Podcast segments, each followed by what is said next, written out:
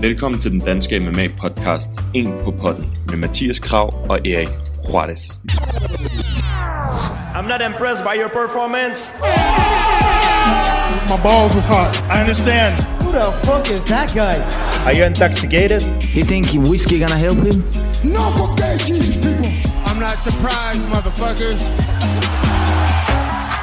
Her får du en på potten af Mathias Kram og Erik Juarez. Hej alle sammen. Velkommen til endnu en episode af En på potten, den danske MMA podcast. Og vi er nået til episode 37. Det går stærkt. Og Det går øhm, endnu en gang har vi gæster på potten. Vi har øh, Jonas Mågaard, Mikkel Parlo, og så har vi Jared, The Killer Gorilla Cannoneer, så kommer lidt senere. Vi skal lige se, hvordan vi får klippet tingene sammen. Øhm, og hvor langt afsnittet bliver. For jer, der godt kan lide lange afsnit, så tror jeg, det bliver en af sådan. Kan jeg forestille mig? Øh, Ja, det bliver lidt længere end de, end de sidste uger i hvert fald. Ja. Og så har vi selvfølgelig et kort i maj, som vi lige skal kigge på. UFC 50. Jeg tror bare, de har valgt at springe øh, 249 over.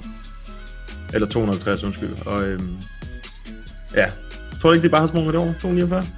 Ej, jeg tror du ikke, at det, altså, jeg tror stadig, at det næste pay-per-view kommer til at hedde 249. Det må det, altså, det må det næsten gøre. Jeg kunne ikke forestille mig, at de bare sprang nogle af de der numre over. Inde på, inde på Tabology, så står der bare UFC 250. Ja, ja det, kan, det, det kan jeg godt se, men jeg tænker, at det, altså, vil det ikke være mærkeligt at springe et event over, fordi det har jo ikke, altså... Det har Jo, de har, der, de har gjort det en gang før også. Ja, var det det der John Jones, der blev aflyst? Uh, Ja, ja præcis. Jeg tror, Ja. det var 151 eller noget. Øhm, John Jones, man. ja. Så, Han har altså, det også vildt det her dag. Ja, sindssygt. så har vi øh, så har vi en top 5. Hvad er vi nået til? Det er welterweights. Ja, det er jo ikke engang en top 5. Det er jo bare for Garden Fights. Ja, det er fem Forgotten welterweight fights. Der er, nogle, øh, der er nogle gode... Der er nogle genkendelige navne i hvert fald. Ja, men det, det tænker jeg nok. Det tænker jeg nok. Men øh, lad os komme i gang med det. Ja. Inden vores gæster, de joiner os. Shit. Oh, y'all got pecan pop in this motherfucker too.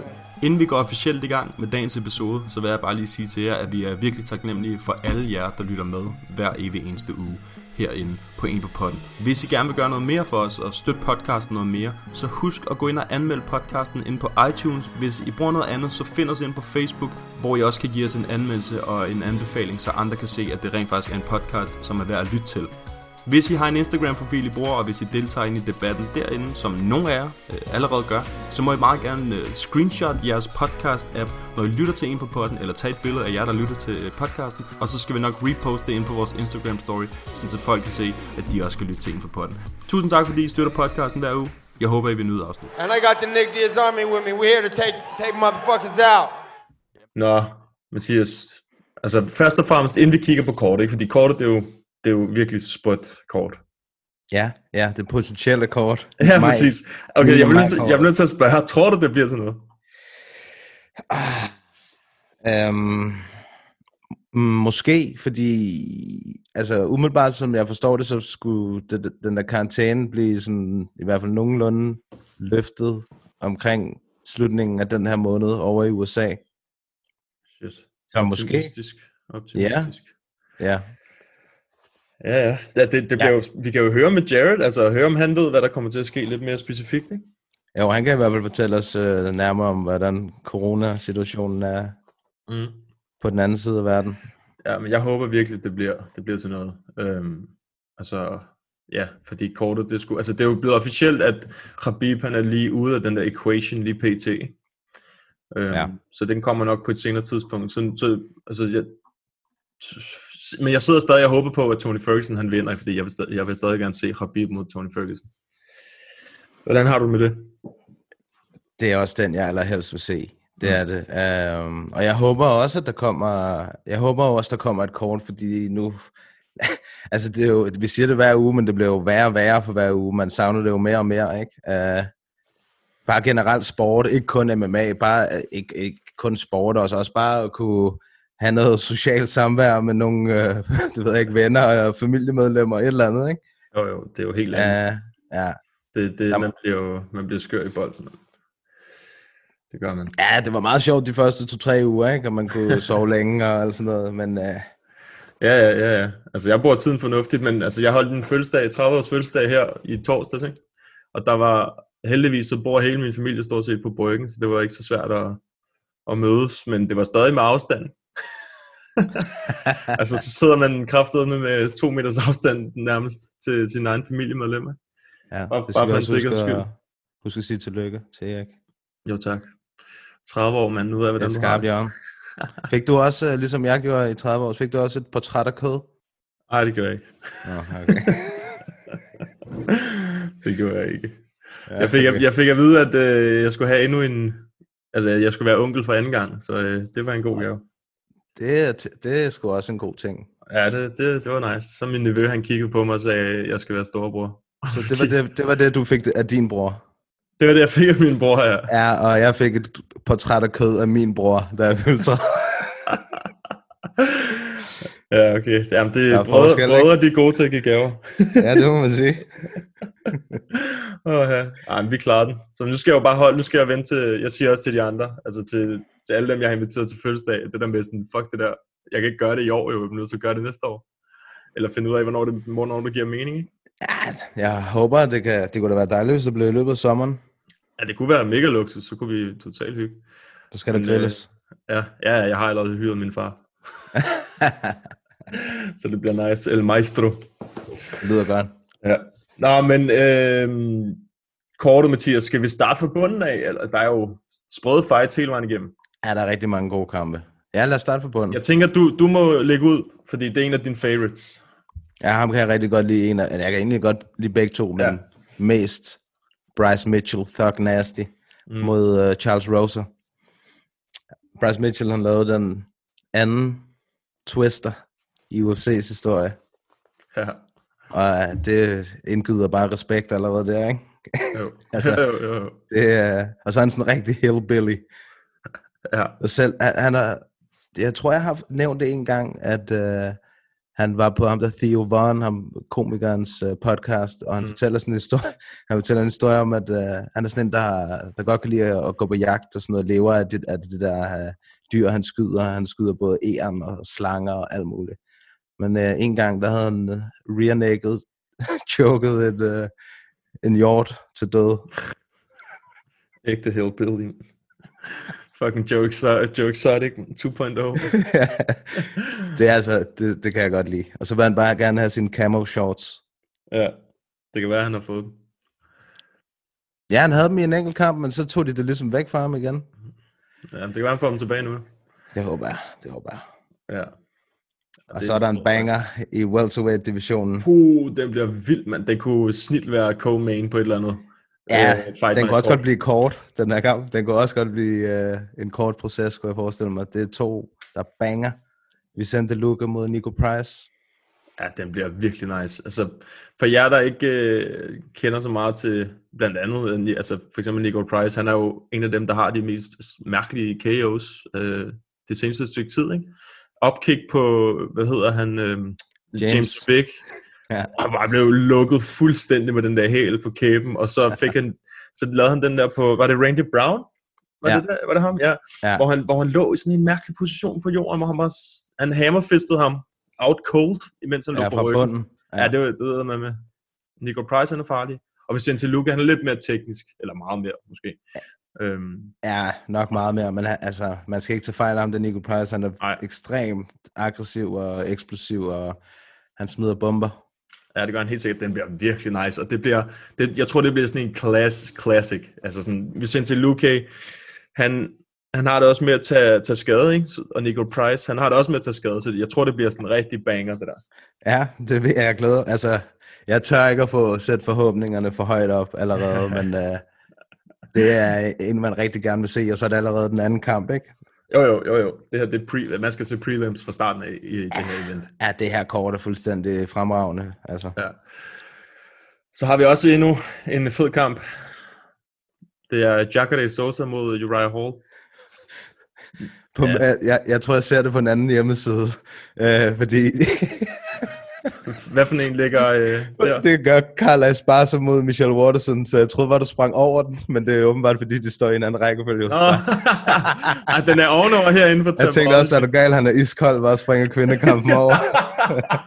Og så fuck, det der, det kunne vigtigt. øhm, altså det her inde på Tabology, der er den nummer tre. ja, ja, det er fordi, jeg ser det på et andet sted. Ja, Ja. Det er jo også fuldstændig meget. ja. ja. Men øh, hvad synes du om den kamp? Det er striker mod grappler, ikke? Jo.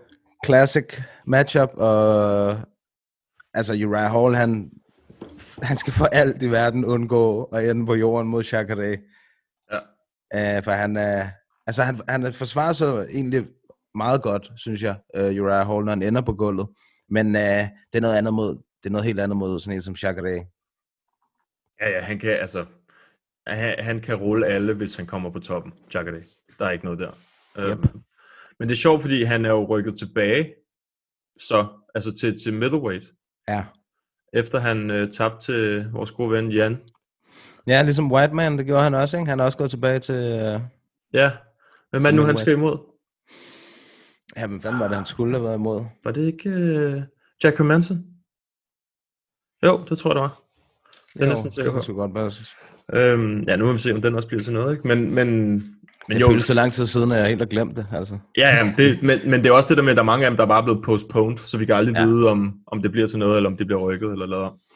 Men fed fight. Jeg tror, jeg tror at Jacare, han tager den.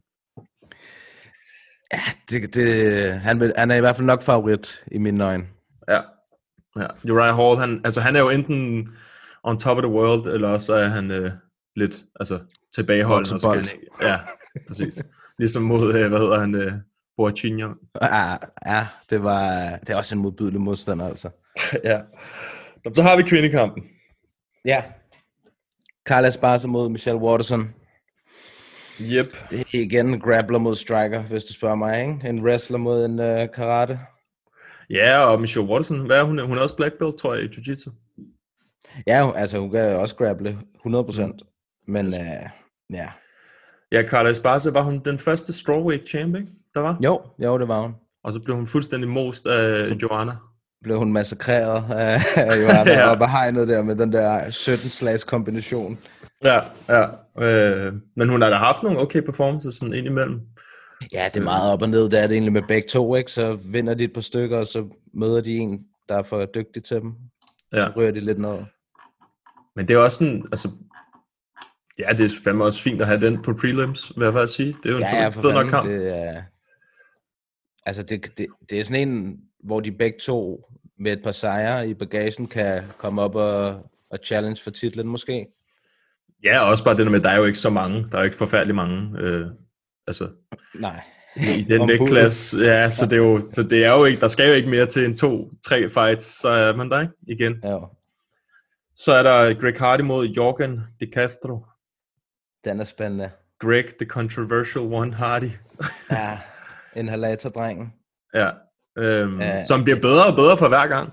Ja, det var, altså, det var egentlig det, jeg skulle til at sige, at jeg, jeg kan egentlig meget godt lide Greg Hardy, øh, bortset set for alt hans det der fnid og fnader, han laver ved siden af og i oktagonen. Uh, der synes jeg egentlig, at han, er, at han udvikler sig ret hurtigt for Ja. hver kamp. Og jeg synes, han så god ud mod Volkov, der hvor han kæmpede mod ham i to og en halv omgang, eller hvor meget det var med en brækket hånd og sådan noget. Jeg synes, han gjorde det, synes, han gjorde det fint.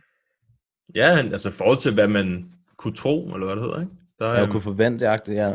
Ja, det er rigtigt. Jeg har helt glemt den kamp. Øhm, men ja, det er rigtigt. Han tog den også på short notice, ikke? Jo, det gjorde han nemlig. Ja, og Jorgen De Castro, han er jo øh, et powerhouse. Det er han. Han, øh, han, han har lavet et godt knockout i sin første kamp. Ja, altså han har, øh, han har vundet alle sine kampe på knockout, i øhm, undtagen en. Og han er ubesejret, så han har power. Det kunne også godt blive en banger. Det kunne det godt. Det kunne også godt gå hurtigt. Det, så det kan det jo som regel i, uh, i heavyweight-divisionen. Ja. Øh, skal vi, jeg tænker faktisk, inden vi går videre, skulle vi så øh, skulle vi cutte den her, og så sende et link til Parlo? Ja, lad os gøre det. I'm not God or nothing, but I just baptized two individuals back to back, you know. So I think the, the belt is the only thing that's left for me. Nå, øh, Mikkel, Parlo, velkommen til. Det var fedt, Jo, du tak. at join. Det var fedt, du gad at join os. Vi har jo fået Så efterspurgt, om øh, hvornår du kom på, så tænkte, det var på tide. øhm, i de her Mm. tider. Det jo meget smart, man Ja, kan selvfølgelig. på, på den her måde. Ja, hvad for noget? Jeg synes, det er meget smart, at man bare lige kan lave sådan en lille Zoom-invite, og så øh, have flere på ad gang. Det er nemt, og det virker. Det gør det i hvert fald. Jamen altså, øh, jeg tænkte, jeg vil faktisk gerne høre, nu har vi jo ikke u- uendelig lang tid, øh, så jeg, altså jeg ved, at, at øh, jeg har hørt andre interviews med dig, hvor du snakker meget om øh, de ting, du har været igennem i din øh, Mhm. MMA-karriere. Men jeg er, faktisk, jeg er faktisk interesseret i, hvordan overgangen har været fra, da du stoppede med at kæmpe tilbage i var det 2016, ikke? Øh, Ja. Og hvordan overgangen har været til at gå fra kæmper til coach, som du er nu. Det har været en lang, hård vej, fordi at øh, størstedelen af tiden, da jeg var coach, der var det noget, jeg gjorde, fordi jeg ikke følte, jeg var klar eller kunne udføre det, jeg egentlig helst ville, som var at selv at kæmpe. Mm. Øhm, så på den måde var det, har, det, har det været hårdt at være faktisk i nærheden af en sport, som jeg på mange måder havde nogle øh, mentale ar fra.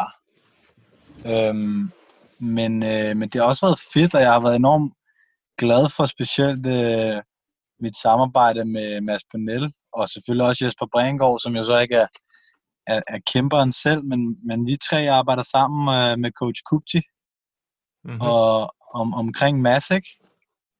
Øhm, og øh, det er det er super fedt at arbejde med Mads. Det har været, altså, han er en god ven, og, og han er også en fantastisk inspirerende kæmper og også person.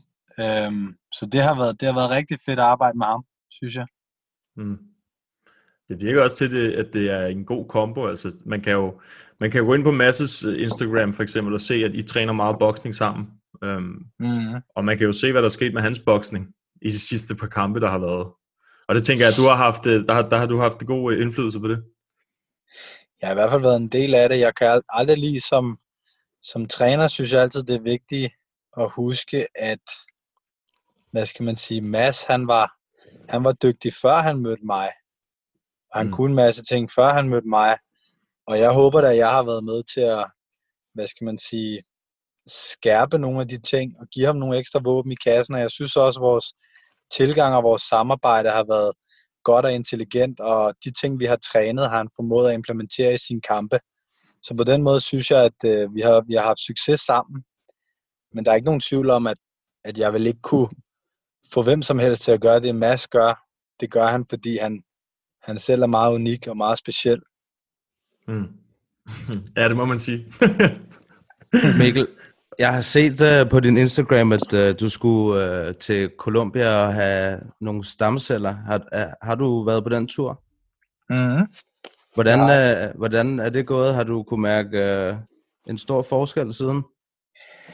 Jeg har oplevet, det er cirka to måneder siden, jeg var dernede, og de har sagt, at det skulle gå 4 til seks måneder, og der kunne også gå længere tid, før de færdige resultater var der. Øhm, jeg har oplevet et stort boost i min... Altså, jeg har oplevet noget nedgang i smerte i mine skuldre, mit knæ og min nakke, Mm. som er der, jeg er blevet behandlet, og så har jeg oplevet et stort boost i min energiniveau, Ja. fordi jeg også har fået det i blodbanen. Øhm, og så har jeg også oplevet, at jeg rent kognitivt fungerer lidt bedre. Øh, så jeg synes, jeg har fået noget, noget fremgang, men jeg vil sige, jeg er ikke der, hvor jeg sådan, øh, synes, at jeg har fået det, som jeg håbede på, da jeg gik ind i nu. Men igen, jeg er måske også kun halvvejs i processen, ikke? Mm. Øhm, så nu må vi lige, jeg må lige afvente lidt og se, hvad der sker.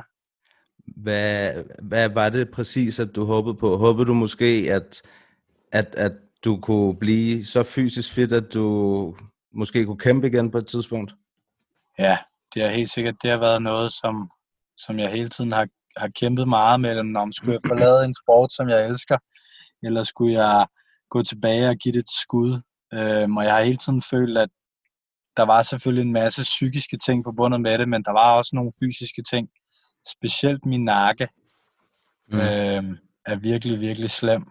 Øhm, så jeg håbede helt sikkert på, at det her behandling, det kan, det kan give, øh, ja, kunne give noget, sådan så jeg ligesom følte, wow, jeg er sgu fedt for fight, min nakke er god, jeg kan spare, jeg kan træne, og så gå tilbage og give den et sidste skud og ligesom afslutte med manér, om man så går ind og finder ud af, at øh, ah, det var sgu ikke det, eller hvis man går ind og taber et par kampe, eller det kan også være, at man går ind og vinder og tænker, wow, jeg er fandme tilbage, og jeg er bedre end nogensinde.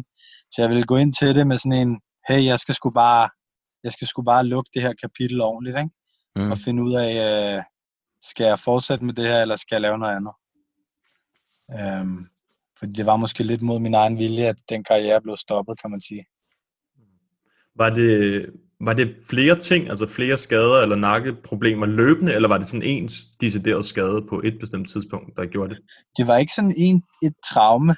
Øh, sådan, det var ikke sådan, at du ved, ligesom dengang jeg rev mit korsbånd over, så var det, så var det et, et, en skade, der ligesom stoppede mig i noget tid. Her var det bare sådan, jeg begyndte stille og roligt for ondt i begge mine skuldre, mit knæ og min nakke, der begyndte jeg sådan at få Øhm, altså sådan noget, hvor jeg blev svimmel, og jeg øh, havde hele tiden sådan nogle nakkespændinger, og følte, at øh, jeg havde synsforstyrrelser, og følte, at jeg ikke kunne tænke ordentligt og sådan noget.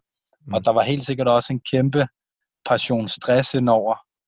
Og mm. i starten troede jeg også, at det havde noget med nogle hjernerystelser at gøre, men nu her set i bagspejlet, der tror jeg faktisk også, at jeg har nogle ret sådan, seriøse nakkeskader, som ikke er én skade, men som er sådan gentagende skader over mange år, som til sidst er blevet sådan lidt kronisk, ikke? Mm. Mm. Øhm, så det er, ja, det er altså har det været, har det været over, over, er det overtræning, eller har, har du kunnet kigge tilbage og se, hvad det var, eller har det bare været noget, som du måske har opdaget lidt for sent? Jeg tror helt sikkert, det har været overtræning, fordi man kan sige, der er jo mange på min alder, som, som ikke er så ille state, men, men jeg har haft nogle perioder i mit liv, hvor jeg trænede så hårdt, at jeg ligesom øh, virkelig kunne, altså jeg tror, jeg har gjort noget skade på min krop, ikke? hvor jeg trænede. Jeg havde en periode, hvor jeg, hvor jeg trænede sådan noget 3-4 gange om dagen. Godt nok små træningspas nogle gange, men, men stadig set i bagspejlet, så, så kørte jeg så meget på den store klinge, at altså, du ved, det er ligesom at køre i den røde zone med sin øh, motor mm. i, i, altså hele tiden, så til sidst så brænder motoren af. Og når det er kroppen, så er det bare ikke altid, man kan, man kan ikke lige skifte en del. Det er jo så det, jeg har prøvet at gøre med stamceller her, men, men uh, nu må vi se. Nu må vi se, hvad det skal. Ja. Hvordan faldt du over de her stamcellebehandlinger? Uh, for jeg, jeg, jeg har hørt uh, om dem igennem Joe Rogans podcast. Jeg ved, at han har fået flere af dem. Mm. Ja, jeg, til at starte med hørte jeg noget om, om det igennem Joe Rogans podcast, og så søgte jeg bare på nettet. Jeg var nede i Belgien i sin tid for et par år siden og få lidt behandling, og det gav ikke så meget, men så fandt jeg det her sted i Colombia, hvor det, det, det indgreb, de lavede, var meget, meget mere potent, og det var meget mere professionelt setup. op.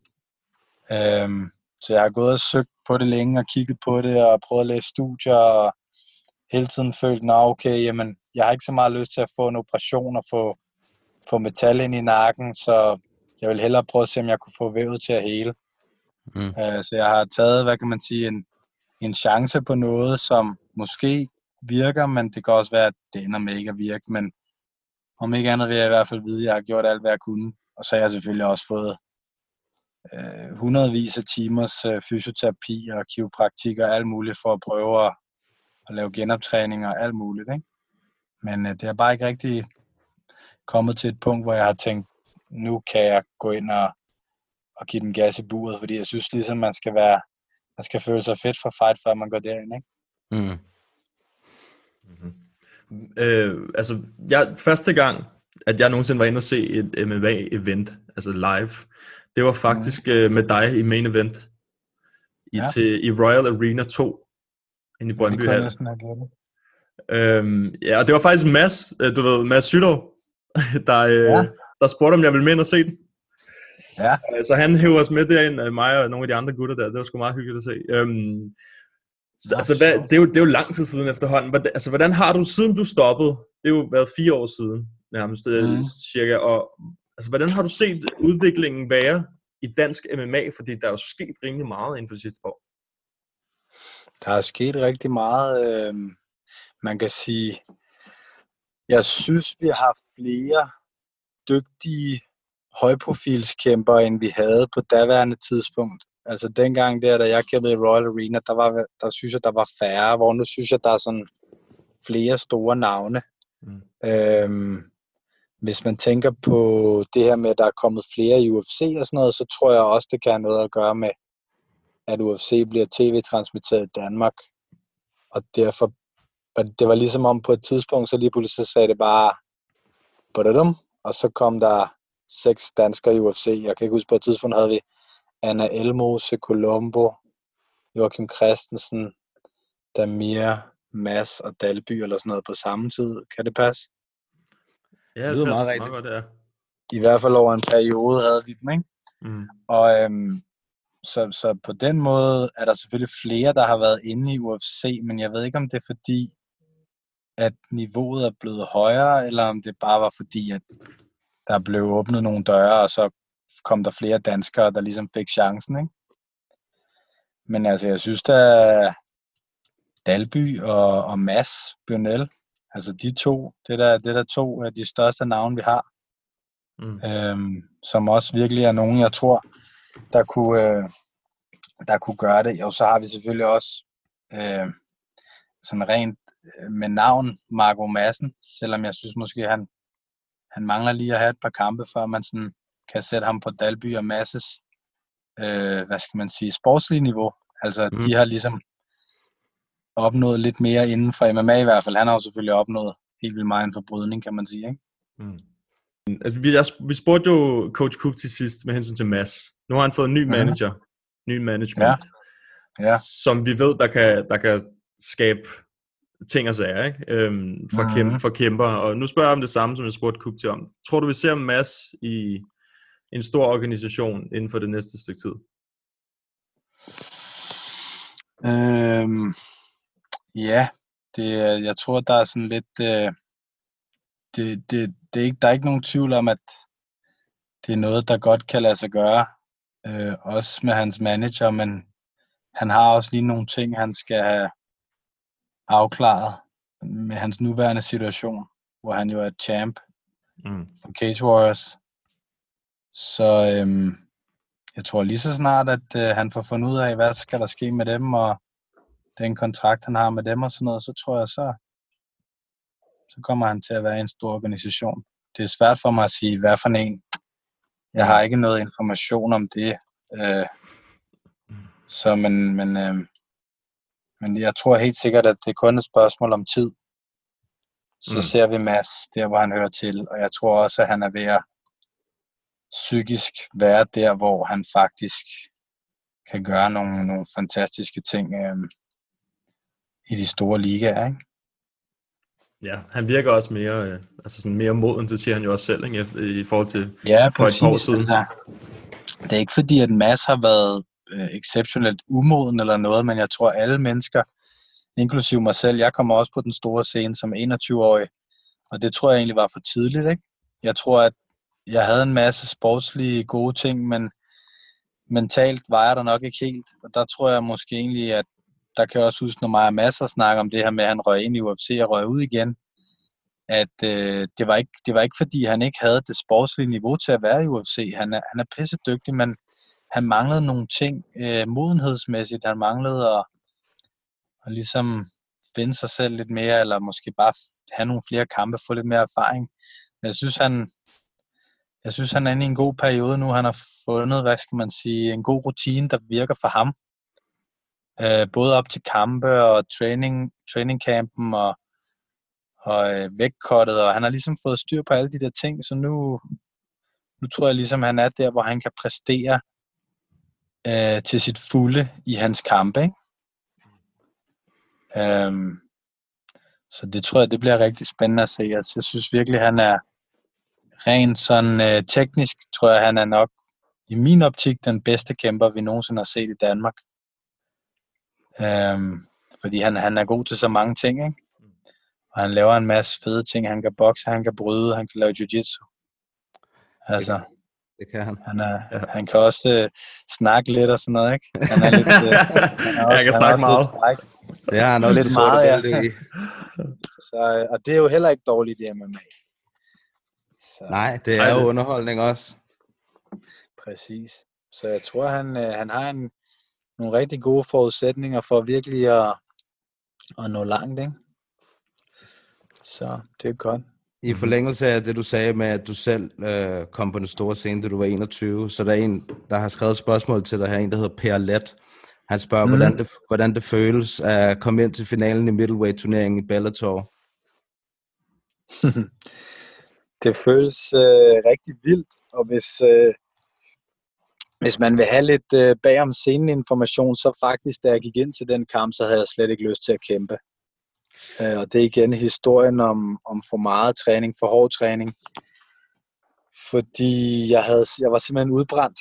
Den, den første kamp, der var jeg frisk og klar. Den anden kamp var jeg også sådan okay til stede. Men sidste kamp, der var jeg fuldstændig udkørt. Der havde jeg været i, i training camp non-stop i seks måneder, og formentlig også trænet videre på nogle små hjernerystelser og sådan noget. Ikke? Ja. Så da jeg gik ind til den kamp, der var jeg, der var jeg flad. Der var det, der var det ikke så meget lysten, der, der drev værket, men mere, at man var på en mission. Ikke? Øh, og jeg tror også, det var derfor, at kampen endte, som den gjorde. Jeg tror, hvis jeg havde været der psykisk, så havde jeg, så havde jeg nappet ham. Det var jeg i gang med, indtil han fik mig. Det kan vende hurtigt. Det kan nemlig vende hurtigt. Og det vigtigste er, at man er der mentalt. Øhm, og det tror jeg ikke, jeg var. I hvert fald ikke i den kamp.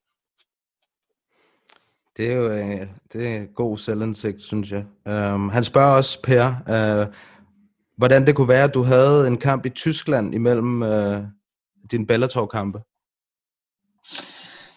Det var fordi, øh, at Bellator faktisk havde prøvet at cutte mig.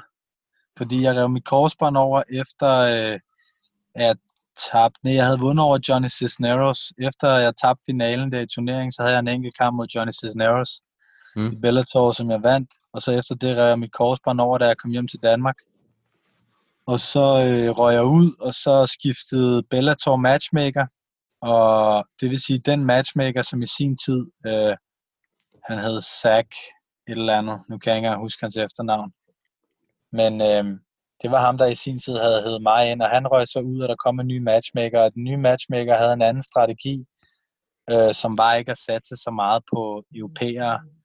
Øh, så de ville egentlig gerne af med mig, tror jeg, fordi, så, de, så de prøvede at cutte mig, selvom at kontrakten faktisk sagde, at de ikke kunne cutte mig, så jeg var nødt til at hive fat i en advokat og sådan noget, og, øh, og sige, øh, hey, hey, det der, det kan I ikke. Jeg har ikke tabt nogen kamp. Jeg skal have tabt min sidste kamp, for at I kan cutte mig. Mm. Ellers så har jeg en kamp mere tilbage på min kontrakt. Øh, og så måtte de så hive i land, og så øh, sagde de, ja, men vi skal nok få en kamp til dig, og så holdt de mig sådan lidt hen. Og så blev de ved med at sige, der kommer snart en kamp, der kommer snart en kamp, og jeg blev, nå okay, men jeg holder mig klar, jeg holder mig klar. Øhm, og så endte det med, at jeg ligesom sagde, nå, jeg bliver sgu nødt til at have en kamp. Kan jeg tage den her kamp i Tyskland? Og det gav de mig så lov til. Øhm, på trods af, at jeg havde kontrakt med dem, så, så gav de mig sådan en, en frigivelse til den kamp, ikke? Ja. Og så derfor kunne jeg så tage ned og tage den kamp. Så, men hvad du sige, altså, du var jo i Bellator i, i, en, i en lang periode af din karriere. Er, mm. er det så er det mest gode eller dårlige oplevelser? For det lyder umiddelbart som en dårlig oplevelse, det der med, at de prøvede at cutte dig og ikke vil give dig en kamp og alt det der. Jamen, jeg tror, når man er i de store organisationer, jeg tror også, hvis man snakker med andre kæmper, at andre kæmper kan have følt, at de måske er blevet behandlet dårligt øh, nogle gange, fordi man kan havne i et eller andet, en eller anden situation, hvor de gerne vil prøve at cutte nogle kæmper, og det er bare business for dem, ikke? Mm. Øh, så jeg tror ikke, at det var noget personligt, og selvfølgelig var det ikke fedt at føle, at, at den her organisation egentlig ville af med mig, men at de ligesom gjorde det, fordi de var nødt til at, at give mig en kamp, ikke? Øh, det er jo altid federe, hvis man føler, at øh, du ved, organisationen er med en, ikke? Jo, øh, men, men ellers synes jeg generelt, at Bellator har behandlet mig rigtig godt og været rigtig søde. Øh, så det var kun lige den sidste der. Øh, og ja, så, så, så nej, jeg synes ikke, at det har været en dårlig oplevelse at være i Bellator. Jeg tror også, de behandler deres fighter endnu bedre nu. Jeg tror, at øh, Scott Coker her, som er, er det blevet deres nye øh, CEO, eller hvad han er, mm. tror han er, han er super fed. Bjørn Repney, som var deres gamle øh, CEO, han, øh, han var sådan lidt, øh, han virker ikke super flink med Scott Cooker der. Han virker, han virker sådan, som sådan en, der godt kan lide fighterne, ikke? Det er i hvert fald alt det, man hører om ham, synes jeg i hvert fald. Jeg har kun ja. hørt folk tale positivt om ham. Ja, præcis. Jamen, det er også alt, hvad jeg har set. Så der var Bjørn Repney lidt mere business, tror jeg. Og øh, Scott Cooker er måske lidt mere også en menneskemand, ikke? Det tror jeg også er, er vigtigt at være i den her business. Ja, det synes jeg da. Man skal huske, at øh, vi er alle sammen mennesker, og det hele er ikke bare forretning. Præcis. det er lige det. Altså, hvordan, hvordan står det til med dig og som coach øh, med hensyn til hele det her corona? Det er som om, jeg har helt glemt. Jeg har lige glemt det for en stund, men øh, det er jo en realitet. ja, det er kan, du- rigtigt. kan du få trænet, Ja, eller er det trænet, øh, som du skal, altså nogenlunde som du skal øh, med dine øh, klienter og så videre? Nej, overhovedet ikke. Altså, det hele er jo lukket ned, og der er nogle enkelte, der begynder at stikke hovedet til overfladen og sige, hey, skal vi lige mødes lidt og træne i en park, eller et eller andet. øh. Så jeg har haft nogle, nogle, noget småt arbejde, men ellers er jeg rimelig lukket ned, så jeg går bare og venter på, at det bliver åbnet op igen. Mm. Øh, Hvor er det, du og træner? Hvor, hvor er det, du træner hen? Jeg underviser inde i noget, der hedder Sporting Health Club, Mm. som er sådan et center. De har tre center, og jeg er primært i to af dem, og så også lidt i, i deres tredje center. Um, og kører meget, både, både boksetræning og, og kickboxing, og jeg kører også noget brydning og noget grappling med nogen en sjældent gang, og så kører jeg også en masse bare sådan generelt fysisk træning og vægttab og sådan noget. Så lidt af hvert. Ja, fedt nok, fedt nok. Du skal ikke være fu- fuldbyrdig MMA-træner. Øh, det vil i hvert fald ikke være noget, der kunne, tror jeg, få mad på bordet. Så skulle det være noget, man gør på siden. Det er jo ikke noget, der sådan er mange penge i nu, tror jeg. Mindre man har sit eget gym måske. Mm. Øhm, men det er selve træneropgaven, der kan man måske få en lille procent af, af kæmpernes øh, indtjening, men, øh, men det er ikke noget, man bliver rig på endnu. Men øh, hvis Mads han øh, når helt til tops og, og laver en Conor McGregor, så, øh, så er det helt okay med mig. øh, apropos MMA-coaches, så har vi et spørgsmål fra øh, Coach Kupti. Og han, Ja. spørger, han spørger, kender du en, der har mere hakket overarme end Kupti, og hvordan, kan, og hvordan han kan være mere hakket end alle hans atleter? Spørgsmålet er, om det er, Altså- du kan være, hvor- hvordan du kan være mere hakket end alle dine atleter, eller om det er ham selv, han snakker om. Ja, jeg tror, at det kan ikke være mig, fordi jeg er ikke sådan super hacker. Det har jeg nok heller aldrig været. Øhm, ja, Kupchi, han er hakket, men jeg vil stadig sige, at øh, han er ikke hakket, mere hakket end alle hans atleter. Når for eksempel Damir, han er helt nede og kort vægt, så, så kan Kupchi sgu ikke følge med. Men, men jeg vil sige, at han gør det sgu godt, da han, hvad er han, næsten snart 40, tror jeg. Så øh, al respekt til coach Kupchi. Det er sjovt, hvordan I altid kan, der er altid nogen, der kan køre på hinanden i, uh, i blandt coaches og fighters. Det er sgu meget sjovt. Ja, præcis. Nå, men, øh, Mikkel, vi har jo øh, endnu en gæst, der kommer på lige om lidt. Øhm, Ja. Så altså, jeg ved ikke, om du har mere, Mathias? Nej, jeg tror, det var det. Øhm, så vil jeg bare sige tusind tak. Jeg håber, at du vil join sådan, efter alt det her er slut, så kan vi jo lave en rigtig øh, en lang episode, hvor vi kan sidde og hygge snakke lidt om, om alle mulige ting. Øh, Meget gerne. Jeg, jeg vil meget gerne, øh, så vi havde noget mere tid, så kan vi snakke om nogle, nogle rigtig gode ting. Det Ja, ville være rigtig fedt. øh, Så, en, men si- tak en, sidste, en sidste ting. Mikkel. Øh, Ja. Hvad for en kamp skal man gå tilbage og se? Uh, at, hvad for en kamp er din yndlingskamp nogensinde i MMA, hvis uh, du har sådan en? Så folket derude kan gå tilbage på eventuelt YouTube eller Fight Pass og se en kamp, hvis du skulle nævne en. Åh, oh, det er et godt spørgsmål. En enkelt kamp, altså jeg er jo kæmpe øh, Fedor-fan, og har altid været det. Øhm, så altså, jeg, jeg, jeg ved sgu ikke en kamp. Det er svært. Jo, okay, hvis, hvis man skal se en kamp med gang i, så vil jeg sige øh, Michael Chandler mod øh, Eddie Alvarez i Bellator. Det er øh, så får man altså noget for pengene. ja. Den sagde Mads også i sin Ja, tid. den nævner han også altid med. Ja. Nå, okay. Jamen, jeg tror ikke engang, jeg har hørt, at han nævnte den i, i jeres episode der, men det er, ja, det er i hvert fald en af dem, jeg husker meget tydeligt. Der sker også lidt i den kamp. ja. Ja, Den er der, også... er, der er i hvert fald spænding.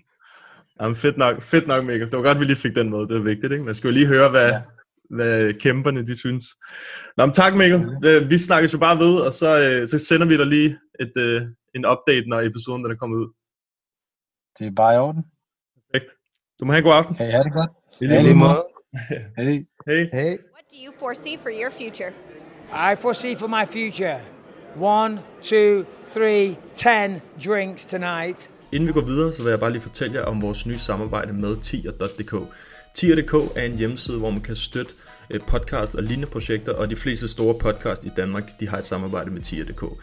Det er et sted, hvor man kan gå ind og donere penge til de projekter, man synes der er fede. Så hvis du er interesseret i at støtte den her podcast ind på potten på et økonomisk plan, så kan du gøre det igennem tier.dk.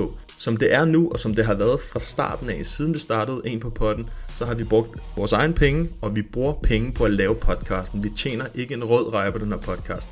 Det samarbejde, vi har med Bambuni, det tjener vi ikke noget på. Vi har lavet samarbejdet, sådan, så vi kunne give jer noget hver uge for at deltage i vores spørgerunde. Økonomisk set, så mister vi penge på at lave den her podcast hver måned, og vi gør det selvfølgelig af ren interesse for sporten, som vi alle sammen synes, der er fed.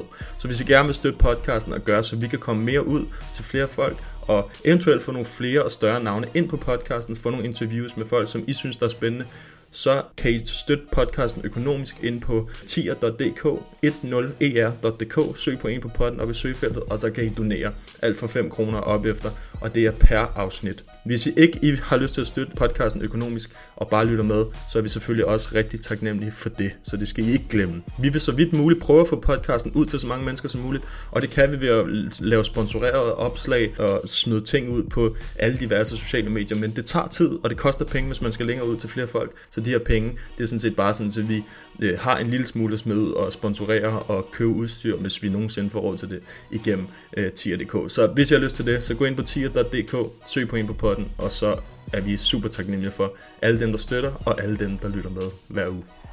The people pay because the people want to say, see the good Så det er ikke live eller noget, bare lige så du ved det. Okay, okay, okay, super. Så, Så har jeg gjort øhm, mig så pæn ellers. Jeg skal til...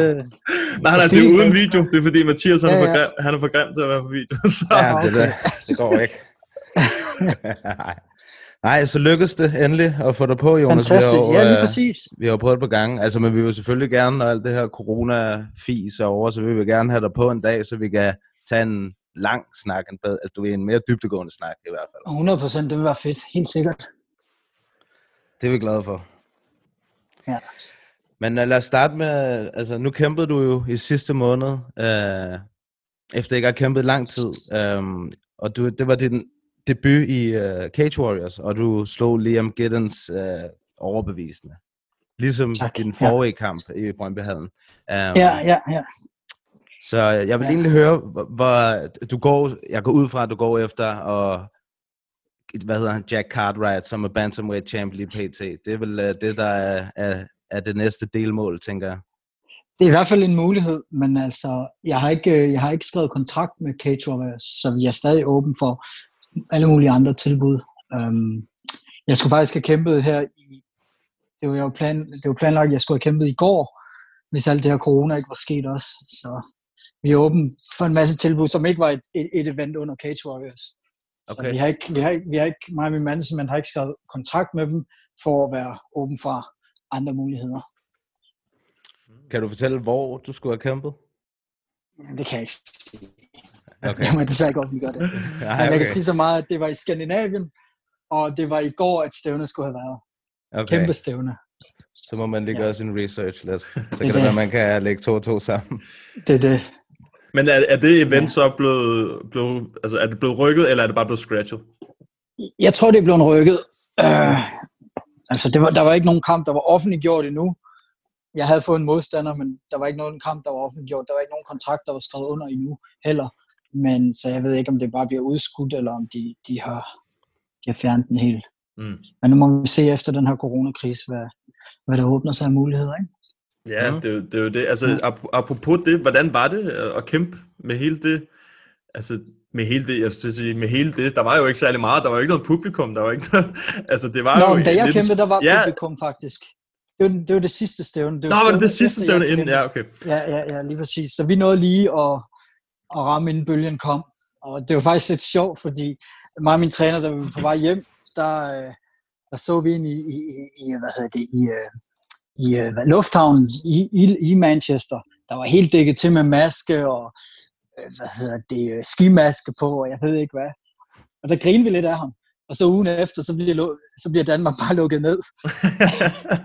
så han må have vidst et eller andet, vi ikke vidste. Han var på Ja, forkant. det- Ja, der var, folk var ikke, det var ikke, det var ikke rigtig ramt igennem endnu. Så jeg var heldig. Ellers så havde det godt nok været lidt nedover, at jeg ikke får en kamp efter så lang tid, hvis den blev aflyst. Ja, det nåede jo lige at holde øh, 113, er det, det, det, dem, jeg blander sammen, at du var på 112, Ja, og ja, du var på lige 113. præcis, lige præcis. De nåede lige at holde den, altså sådan, øh, så det er jo, det kunne jo være, altså det kunne jo have været dig, ikke, øh, i virkeligheden. Jo, og jeg blev faktisk tilbudt en kamp på 113 også. Uh, men der havde jeg spist mig ordentligt fed, og jeg havde også nogle små, små, små skader, som jeg gerne ville have styr på, inden, at, inden at jeg skulle over igen. Ikke? Også fordi Danmark var ved at lukke ned, og, og der var allerede begyndt, så vi var lidt usikre på at sige ja til kampen. Mm. Allerede de, de der to uger efter, eller hvad det var. Mm. Men det, altså, ellers så havde det været meget sjovt. Imellem uh, Danish MMA Night-kampen og din seneste kamp, der er jo sket en masse ting. Du er blevet far, for eksempel. Er det, Ja. det hører, hører man jo tit af, af noget, der gør noget mentalt ved, ved kæmperne. Hvordan har du oplevet det? Altså, det gør 100% noget mentalt. Jeg, har, jeg vil sige, øh, hvad skal man sige, det er kun positivt, hvad jeg har følt. Altså, øh, måske også fordi der gik lige lidt tid, så jeg ikke, jeg ikke blev far, og så skulle jeg kæmpe med det samme. Fordi der er jo selvfølgelig noget med en støjnrytme og søvn Mm. og sådan noget, der lige skal justeres ind først. Øh, så jeg er meget glad for, at jeg lige fik nogle måneder inden, at jeg kæmpede, efter han var, efter han var blevet født, den lille. Øhm, men ellers rent positivt. Øhm, jeg var, altså jeg var, jeg var i den bedste form, jeg nogensinde har været. Og det er også, måske også fordi, at, at jeg har haft et team. Altså, da jeg trænede i Rumble Sports, de sidste tre år, inden jeg, inden jeg flyttede til Redline, mm. der har jeg ikke rigtig haft noget team og noget, du ved, nogle, nogle sparringspartner faste. Jeg har ikke haft en fast coach. Jeg har været nødt til at tage til England og træne og haft en coach derovre, ikke? Øh, men jeg vil sige, det at blive far, det har kun været positiv, en positiv oplevelse i forhold til min, i forhold til min træning og min motivation. Altså, det giver jo lige det der ekstra, Mm. når man har, har en lille en derhjemme, ikke? Og man Mhm. skal, det er ikke kun en selv, man skal sætte, sætte, sætte hvad hedder det, brød på bordet for. Han har også en familie, ikke? Ja. Så det har jo kun været positivt, rent altså mo- motivationsmæssigt. Der, der har det virkelig været en, en, stærk, en stærk faktor, må jeg sige. Hvad med i forhold til træningen, som du også nævner? Nu træner du i Redline. Er, er der stor kontrast i forhold til træningen? Altså bortset fra, at du måske har mere faste sparringspartner nu og sådan noget, men er der stor kontrast øh, fra Danmark til Sverige i forhold til træningen? Det synes jeg. Rigtig stor. Hvordan det? Så, de, jeg, jeg synes, dansk, de, danskere kan godt være sådan lidt, øh, lidt pivet i det en gang imellem, må jeg sige. Altså, det er ikke, og det, det har jeg ikke rigtig følt. I England, der, der er de meget tough. Der er ikke så meget. Altså, der kommer de for at slås, ikke? Mm. Øhm, og der er der striking og sindssygt godt i, i England.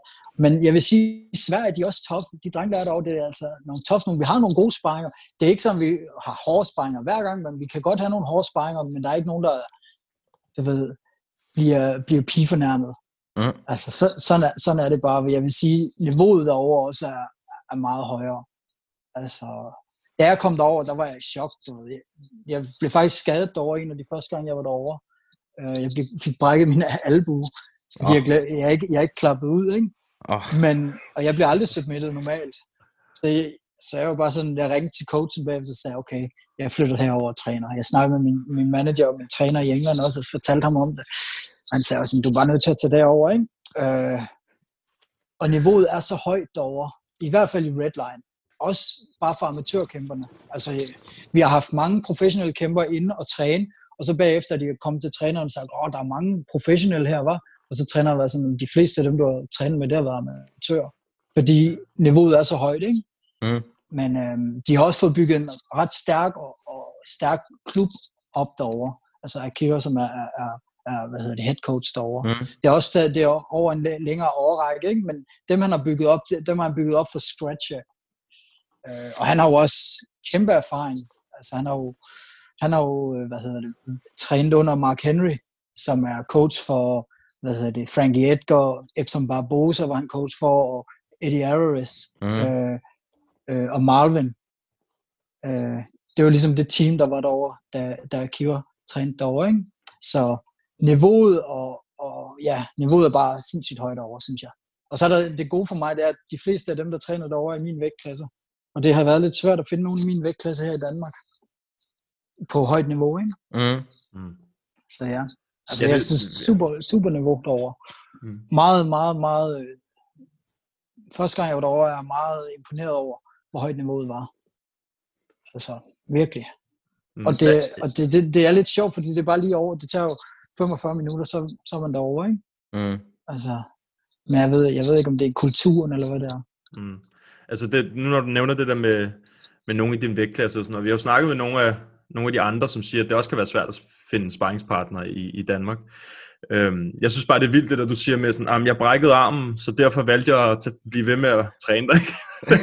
det, er, Jo, det, det, er fighter, men det er fighter mentality, hvor jeg sidder her og tænker, shit, jeg skal bare langt væk derfra. Ja, men det er også fordi, at så ved man, okay, hvis man bliver fanget noget, så er det der, man siger, "Hvad, jeg gider ikke at være i en klub, hvor jeg er den bedste. Det ved jeg, der er mange kæmper, der godt kan lide. Mm. De kan godt lide at være i en klub, hvor de føler, de er bare rockstjernen, ikke? Altså, men det får du ikke noget ud af. Du går- kommer kun til et, et, et, et vist niveau. Du skal helst være et sted, hvor du bliver presset hver dag. Mm. Altså, se, også, også når du er frisk, så kommer du ind, og så er der nogle andre, der er friske og klar, og har den samme mentalitet som dig, træningsmentalitet. Mm. Det, det er det vigtigste, for at man kan, for at man kan hæve sit eget niveau.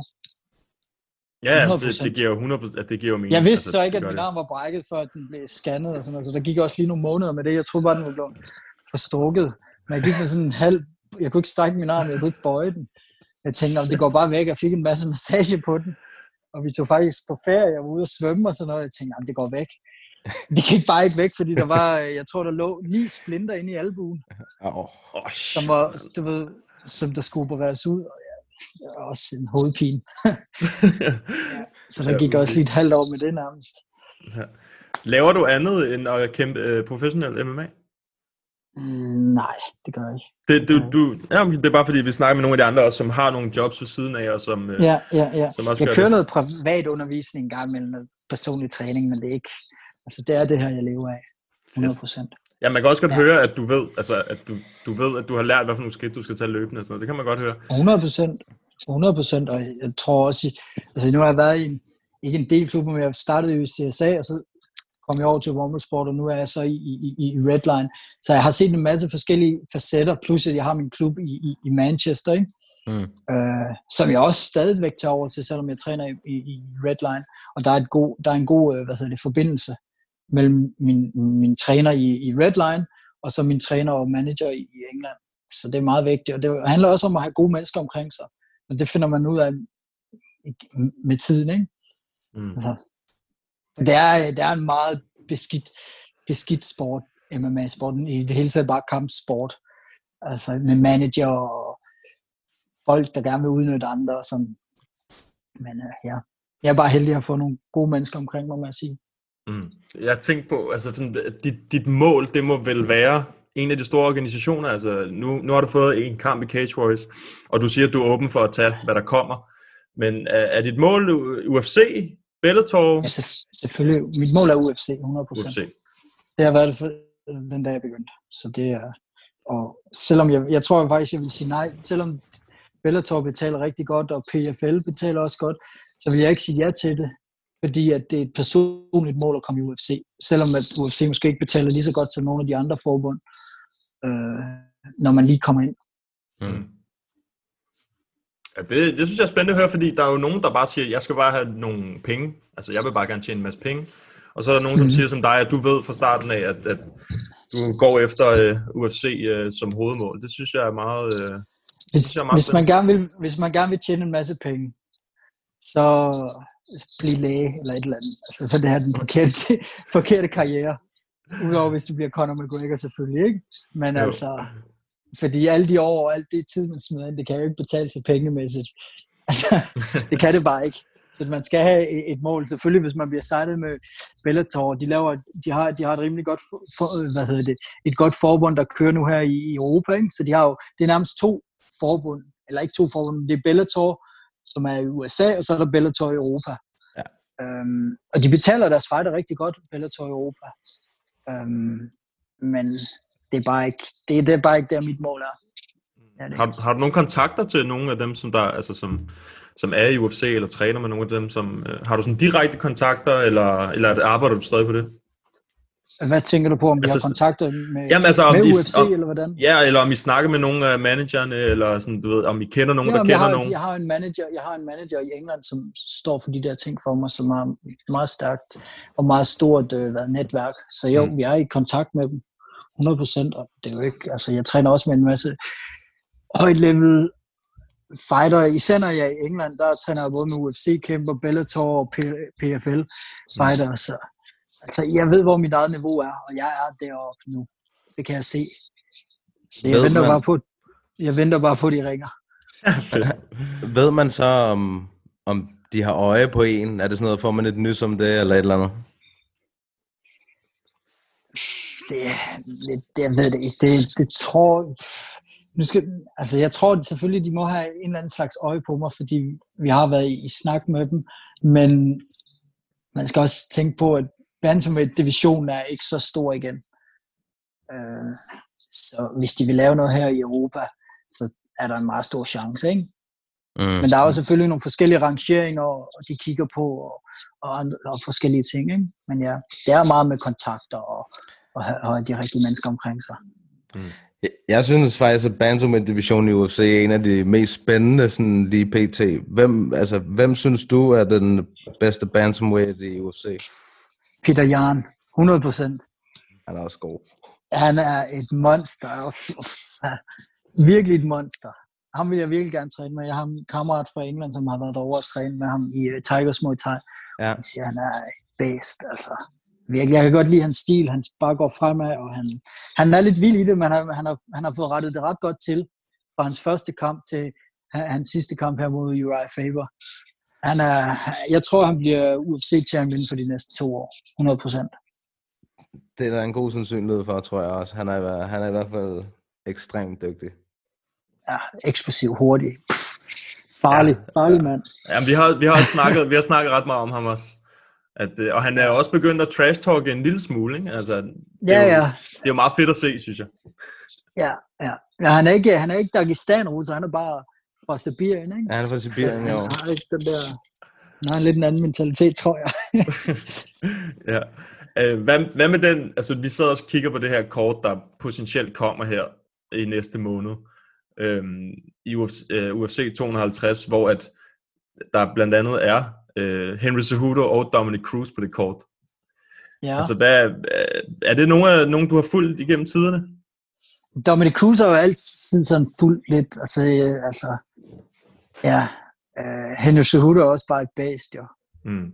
Men det er en af de yngste bryder, bryder hvad hedder medaljevinder, ikke? I brydning. Mm. Mm. Bæst. Triple Atlet. cringe. Lige præcis.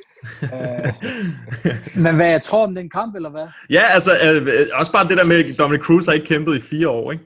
Og Jo, han- men Dominic Cruz er en joker. Du kan ikke regne med det, fordi han er fucking joker. Han, det kan godt være, at han ikke har trænet, han har ikke har kæmpet, men han træner over hårdt derovre. Altså, øh, og han er, han er ekstremt dygtig. Han har, hans benarbejde er sindssygt. Jeg har også nogle, nogle, nogle kammerater, som har været over at med ham i Alliance og boet hos ham faktisk. Mm. Øh, så han er en joker. Altså, det betyder ikke, at han ikke har været ude. Nu kan du se, at han har også været ude i hvor lang tid, da han kæmpede mod TJ Dillashaw Mm. og vandt kampen. Ja. Fem runders. Ja. Så jeg tror faktisk, han vil være en af dem, der vil være den sværeste modstander for Peter Jan.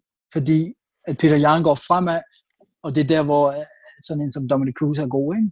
Mm. Mm. Ja, men jeg synes, der er mange gode. Jeg tænker også sådan en som om der Corey Sandhagen, han også kunne være spændende. Ja, ja. Men Dom er også meget stor i hans vægt, i, i, i bantamweight-klassen. Mm. Han han er meget stor bantamweight, og Henry Cejudo er meget lille, ikke? Så Jo. jeg ved det ikke. Det bliver en sjov kamp. Ja, det bliver Hvis spændende. de at se. bliver, men, men bliver de, kommer de stadig til at lave den kamp, eller vil de lave øh, Henry Cejudo mod Jose Aldo? Jamen, det, det er jo fordi, at de har det der Brasil, øh, Brasilien-kort, eller hvad det var, det der med Aldo der, at han kan i hvert fald ikke rejse. Så det er, Ja, ja, ja. Så det Så er, det er Dominic? Cruz, ja, fordi han er i, Nå, okay. I USA. Ikke? Øhm, spørgsmålet er, om Ja, det ja, her ja. kort overhovedet bliver til noget. Det er jo det, der er så... Man kan jo ikke sidde og glæde sig alt for meget, fordi det kan være om i morgen, at så lige pludselig siger de, at det er scratchet, ikke? at det hele er rygt. Ja, ja, lige præcis. Ja, det er en vild situation, der foregår lige for tiden. Jamen, det er, det er fuldstændig kaos. Kan du godt få trænet og, og sådan, øh, bare på noget, nogenlunde plan? I de her? Altså, jeg har holdt mig lidt i gang her efter kampen med at være ude at løbe og køre noget skyggeboxing og træne lidt med en, en kammerat, men ellers så, så begyndte jeg faktisk at tage til Sverige igen her i sidste uge, og så i, øh, her fra i morgen af, så starter min almindelige træning op igen i Sverige. Mm. Ja, de har jo haft åben øh, mere, end vi har i hvert fald, ikke? Ja, der er åben. Der kan, man kan bare tage til Sverige. Jeg var lidt, jeg tog lidt over, fordi jeg skulle lige tjekke, om der var et eller andet. Men når man kommer ind i Sverige, der er ingenting. Du kan rejse ind i Sverige, så når du skal rejse tilbage igen, så er der noget tjek. Ja, okay. Så kontrollerer de, så, så er der noget pas-tjek, ikke? Ja. Men øh, i Sverige, de har været lidt mere chill med det derovre. Ja, men der er også flere, der er døde af corona, end der er her. Der er her så. Det er rigtigt. Ja. Det er rigtigt, det er rigtigt. Så jeg ved ikke, hvad der er bedst. Men når man snakker med svenskerne, når der, man er derovre, så synes de, der, deres måde har været den bedste. De er bare, jamen vores måde, det er bare den bedste. Vi har bare gjort det rigtigt. Så skulle jeg bare tænke, okay, jeg hører bare, at folk dør derovre. Der var sådan en helt plejehjem, der bare var, altså, hvor folk bare var døde som fluer, ikke? Og så tænkte jeg, okay, hvis jeres måde er den bedste, ja, ja, I, I alt for stramme i jeres politik i Danmark, sagde de. Ja, jeg Så tror, man det. synes, man gør det bedst lige indtil man selv øh, bliver ramt, ikke? Det tror jeg, det tror jeg. Nu må vi se. Jeg ville heller ikke tage det over, hvis jeg, hvis jeg, havde, hvis jeg havde kontakt med folk, som var i, i, i risikogruppen. Men det er jeg ikke. Jeg er ikke i kontakt med ældre eller noget som helst. Mm. Eller folk, der er svage eller syge ikke? i min daglige dag. Så ellers vil jeg ikke tage det over. Men øh, jeg tager også mine forholdsregler. Selvfølgelig, jeg har handsker på og spiller af, og jeg ved ikke hvad. Holder afstand til folk. I det offentlige. Det er lidt svært i træning. Ja, Ja. det må man, øh, det må man sige. Altså, jeg har, jeg har det, nu, nu er det jo næsten allerede gået lang tid, det tiden flyver afsted. Øhm, og vi har faktisk fået Jared Cannonier med her i den her episode. Ja, jeg så det godt. Totalt fedt. Ja. Ja, og øh, vi blev jo homies med ham tilbage i, øh, i København, da Jeg han var tænkte her. nok, det var derfra. Ja, ja, ja. Øhm, og øh, jeg tænkte lige, jeg vil lige høre, er der en fight, jeg spurgte Paolo om det samme, vi har også snakket med nogle af de andre om det, er der en fight, du vil sige til lytterne, de skal gå tilbage og se, øh, din yndlings MMA-fight, knockout, submission, hvad end det kan være, som du kan give noget til lytterne? Bare se dem alle sammen. De er sammen gode. Altså, Altså snakker du om din egen nu, eller? Ja, jeg snakker om min egen. Var det ikke min egen kamp, vi snakkede om? Jeg mener bare sådan generelt, men vi kan da også Nå, godt sige generelt, så synes jeg, man skal se øh, Dominic Cruz mod øh, TJ Dillashaw. Hvor han Den synes jeg faktisk, ja, den synes jeg er meget fed. Øh, ellers øh, Dominic Cruz mod, øh, mod Gardi, øh, hvad hedder han, No Love. Den er også meget Cody. fed. Cody Garbrandt. Cody, ja. Ja. Carb, ja, Garbrandt. Ja, den, den den, også den meget snakker vi også om. Ja, den har vi også snakket meget om, fordi det er sådan en, man hurtigt kan glemme, ikke? Ja, men jeg synes, den var, den, den var fed. Fordi han kom ind og lavede alt det der. Det er så bare ærgerligt, han bare blev slået ud her. på det sidste. ja, ja, ja, præcis. Og nu, ja, snakker så- han om, nu snakker han om, at han vil have en kamp med i bantamweight, og så vil han gå ned i, i flyweight. Uh, Ja, ja, han er også meget lille, faktisk. Ja, han er ikke så høj, er han det? Nej, han, han, han er en lille en. Mm. Jamen, øh, jamen, Jonas, det var hyggeligt at snakke. Det var, vi kunne jo sikkert blive ved med at snakke øhm, i lang tid. Øh, så Ja, vi skal jo er have dig på, når... Interessant når, MMA. Ja, det det, er det det, er det i hvert fald. Og det lyder også som om, at du, at du har øh, altså fingeren på pulsen i forhold til, hvad der foregår i MMA, sådan UFC og så videre og så videre. Så det tror jeg, vi kan 100%, snakke om ja. øh, rigtig længe. Jeg Lad ved, ikke, om du, jeg ved ikke, om du har mere, Mathias? Nej, jeg lytter bare på, at du fortæller. Fortæller. Det er så godt, ja. Nå, men, øh, jamen tak for det, Jonas. Det var hyggeligt. Øh, Selv måske, tak. Øh, ja, men vi kan jo lige snakkes ved, og så kan vi få en, en længere episode på et senere tidspunkt. Ja. Og have en god dag, og hold jer safe. I jo, lige tak. måde. I lige måde. Tak for det. Det er godt. Vi Hej. snakkes. Nej. Ja, hej. Sådan. Sådan. Det var også nice. Ja, det virker som om, at... Øh, Han, han, han ville gerne have blevet ved. ja, Jamen, også bare, Han han, han, han gør de, altså virker til, at han gør de rigtige ting, altså i hans Ja. karriere, ikke? Når man brækker, hvad var det, skulderen, når det var albuen? Hvad? Albuen. Albuen, øh, så Ja. bare tænker, der skal jeg blive ved med at være, så, øh, så har man fat i noget rigtigt, vil jeg sige. I hvert fald i sådan en her sport her. Øhm, spørgsmålet er, om øh, Jared han er klar. Er det her nu? Uh, ja, jeg skal bare have lavet et link, tror jeg, og så send det til ham. I also want to thank the people of, of Copenhagen here in Denmark. Denmark is a beautiful country, so much fresh air. It was green, and it was just uh, wonderful to be here. And uh, these fans are awesome. I don't, they are, you know, receiving me way better than the Brazilian fans last time. So, uh, Jared, how's it going? It's going good, man. Surviving these times? Yeah, as best I can, right? I'm What's the- actually, I think I'm actually enjoying this a lot better than normal life.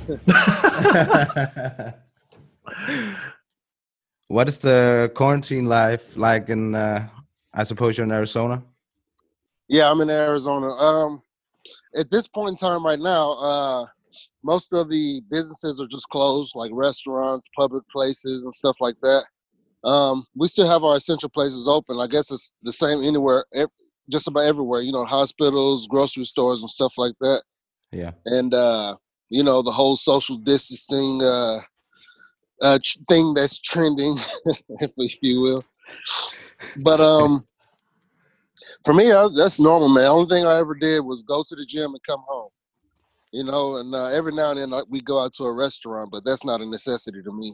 It's actually better. You know, I don't have to go out and eat a bunch of garbage ass food. I can sit home and and cook and eat some healthier food. So it's not a big difference for you right now. No, and I think it's not really affecting me right now because um I'm injured. You know, I was already injured when this thing popped off, so I wasn't going to the gym. You know, I wasn't doing uh doing that twice a day, you know, four or five times a week. So um for me, only thing I'm doing is, at this point in time is just um going to physical therapy. So I'm how long? For how long have you been injured now? Uh, I tore my pec. What was that? February seventh. Hmm.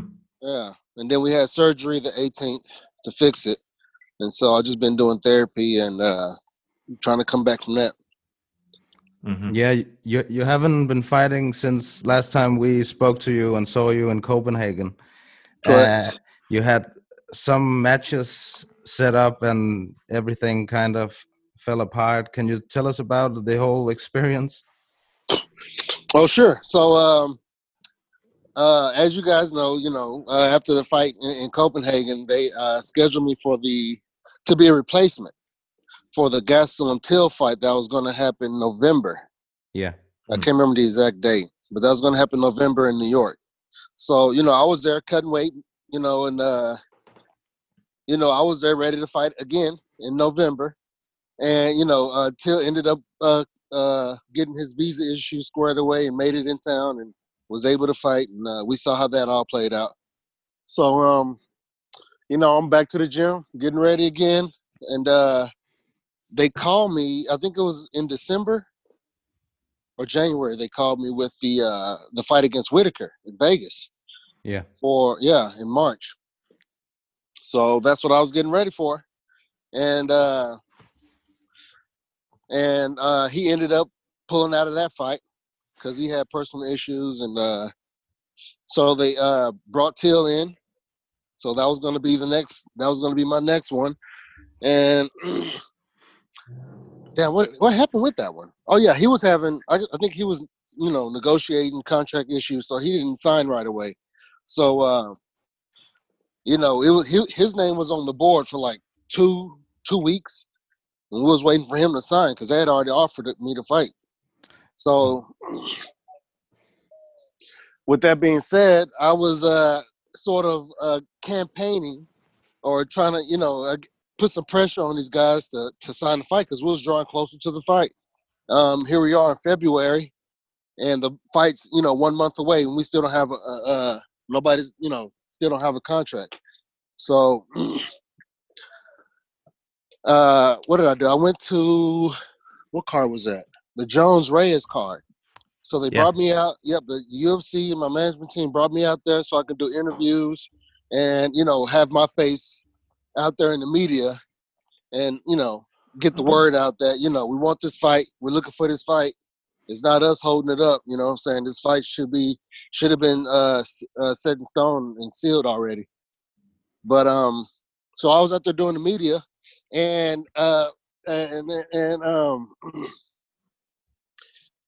and un- unfortunately, the day the day of the event, which was February seventh, I was in the training room training, just doing some jujitsu, some light work. Just we had just gotten started. Maybe I didn't uh, warm up thoroughly enough, but I did warm up. But um, just doing something we I do all the time. You know what I'm saying? I was passing guard, and uh, I, my arm was extended, and as soon as I contracted to get strong to collect up into side control, that's when the fucking per, uh, pec tore. Oh. Yeah. So that happened February 7th, the morning of the event. You know, so uh you can imagine what was going through my mind.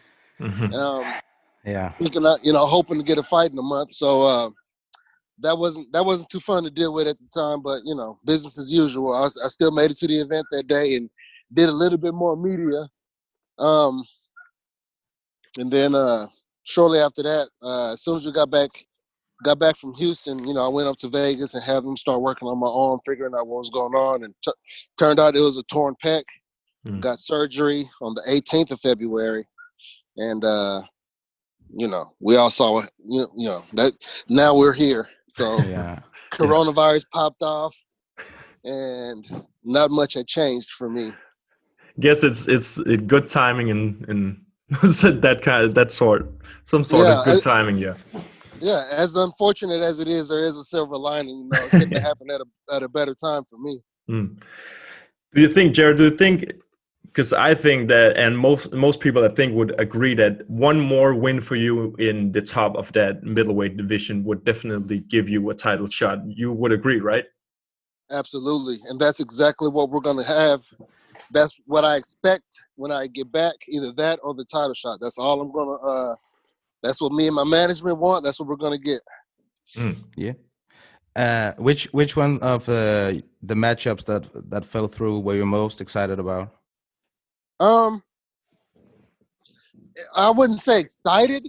I would put more weight on one over the other one because I felt the fight against Whitaker would is a definite sure yes. You are next in, in line for the title shot. Yeah, You I know, would think so too. a win over Till, you know, as as uh, as as good as the fighter, you know, as you know, we all know who Darren Till is. But um, you know, he just came up Yeah. from welterweight to middleweight, and the fight, his you know, his first fight wasn't as uh exciting as people were anticipating. So I'm not saying that should take away from his uh his stature or anything, but that's how the uh the media and the world and all the other you know the uh you know the people see and think. So um I, I With that- noticed. oh, sorry. Just Okay.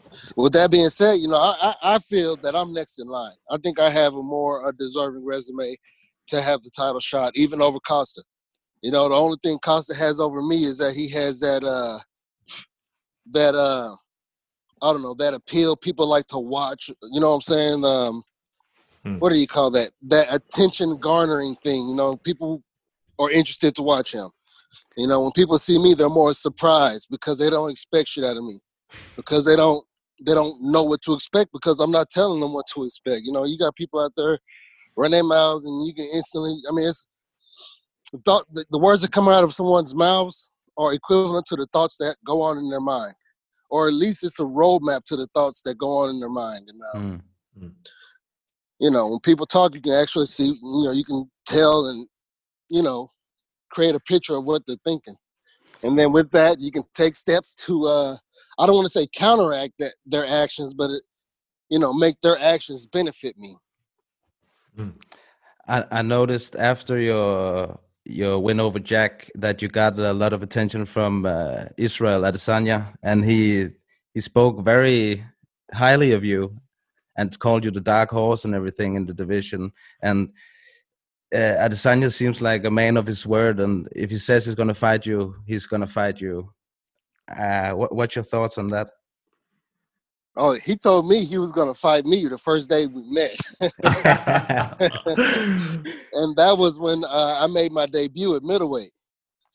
So uh, that's when I first met him in person. We fought on the same card. He actually fought before me. He fought Derek Brunson Yeah. and, and beat him, and then I fought uh, uh, Da- David Branch. Branch. Yeah. Yeah. And he was in the back doing his post fight media stuff, you know, getting ready to do interviews and whatnot. And I came back there and, and met and saw him. And I, again, I'd already been a fan of his. So I, you know, introduced myself and um, congratulated him on his win.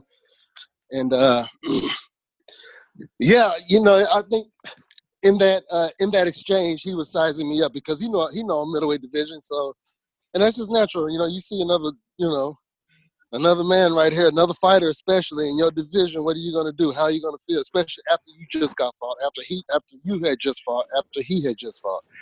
So, um, you know, that was kind of cool. You know, to be in that position. This this guy, the former champ, the current champ now. I mean, the future champ at that time, the current champ now. You know, you know, doing that. So, uh, if anything, you know, it makes me blush. What What did you think about his performance against uh, Whitaker? Against Whitaker? Mm-hmm. Oh, he looked great during against Whitaker. You know, he did exactly what I thought he was going to do. Um, you know, uh, lob shots from as far as he can away. That's you know that's his distance. So you know, throw some shots from there, and uh, also ex- you know expect Whitaker to do what Whitaker was, go- Whitaker was going to do: move in and throw some bombs at him as well. And he counteracted that action. He knew that action. He knew that he knew that that was going to happen. And he was prepared to uh, for an answer. He had an answer prepared for that. So I thought it was a good fight for both men. You know, I know Whitaker had been out for a while, and he still looked good uh, coming back, especially into a fight. You know, of that uh, of that caliber. So uh, I thought they both looked good. Yeah, it was. An, I, I think it was an exciting matchup to begin with. That that fight, and and it seems like now that Dana has said and and people have said that it, it Costa is next. Who do you think is if that happens with all this Corona stuff and shit like that? Who do you think is going to take that, uh, Costa or Adesanya? That fight. Oh, who do I think is going to take that fight? I yeah, don't know. if it That happens. fight- that fight can go either way, man. Um, I, you know, I don't like picking fights. I don't like saying that this person is going to win or that person is going to win. Like, you know, I can give my predictions of what's going to happen, and uh, but that's about it. You know, anybody, it's a fight. Anybody can win the fight, and therefore, I don't never think that one man is going to win the fight unless there are very clear advantages. And at this level, you know, the uh, that advantageous margin isn't that isn't as big as what people think. Mm, true. And also, you can you can get high expectations if if people talk too much about a fight, fight like Romero versus Adesanya. Absolutely, that fight was built up like crazy. Yeah. and you know we saw how the fans received that fight. um, so yeah, uh, I don't. I, yeah, that and that's why I don't say this is what's going to happen because that puts again it puts an expectation on it, and when it's not, when that expectation isn't met, you know, what I'm saying some people feel like they have failed in in in you know in doing a task. You know what I'm saying? I would feel that way. So I don't want I don't like making wrong decisions or inaccurate uh, uh, assumptions or anything like that. So one thing I do know is that they're going to fight, and uh, that fight can go any way. Who who would you rather fight? Is there one of the two that you would rather fight? I don't have a preference. A fight is a fight. You know, um, they both present their unique uh, differences, and uh, you know, I, I, I uh, what's the word? I like the thought of uh, putting myself up against either either of them, both Mhm. of them. You know what I'm saying? One now, the other later. It doesn't matter. Preferably the champ now, and the rest later. Sounds good. when I, you know, when I first got in, I'm, you know, it's it's the same. I'm willing to fight any and everybody. You know, I don't, and um, professional, me fighting professionally is second to me fighting personally. You know what I'm saying? I fight for myself.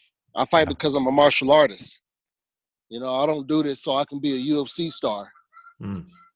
So um, doesn't matter who it is. Give me a body so I can do what I love to do. How how long before your physical therapy is uh is over? Um, let's see, February, March, April, May, June, July. So what's that? It's April, Yeah. May, June, maybe two, three months. Maybe sooner if I can uh I- Is that back to my- training or back to fighting? I'll probably be back to training in, in like one, one and a half months. Okay. Yeah. But as far as fighting, I don't want to. Uh, I'm not going to fight prior to any date in uh, in July. Okay. So they can call me tomorrow and say, "Hey, do you want to fight in?" I think at this point, I say I can fight in August. Weren't they going to uh, Dublin in August? Maybe. Let's see. It's, it's Let's so see. hard to tell these days. Yeah, I know, right? We don't. Yeah, Yeah. We've been we've been speaking uh, about the UFC 250 card, and we can't even get too excited because we don't want to get disappointed. You know.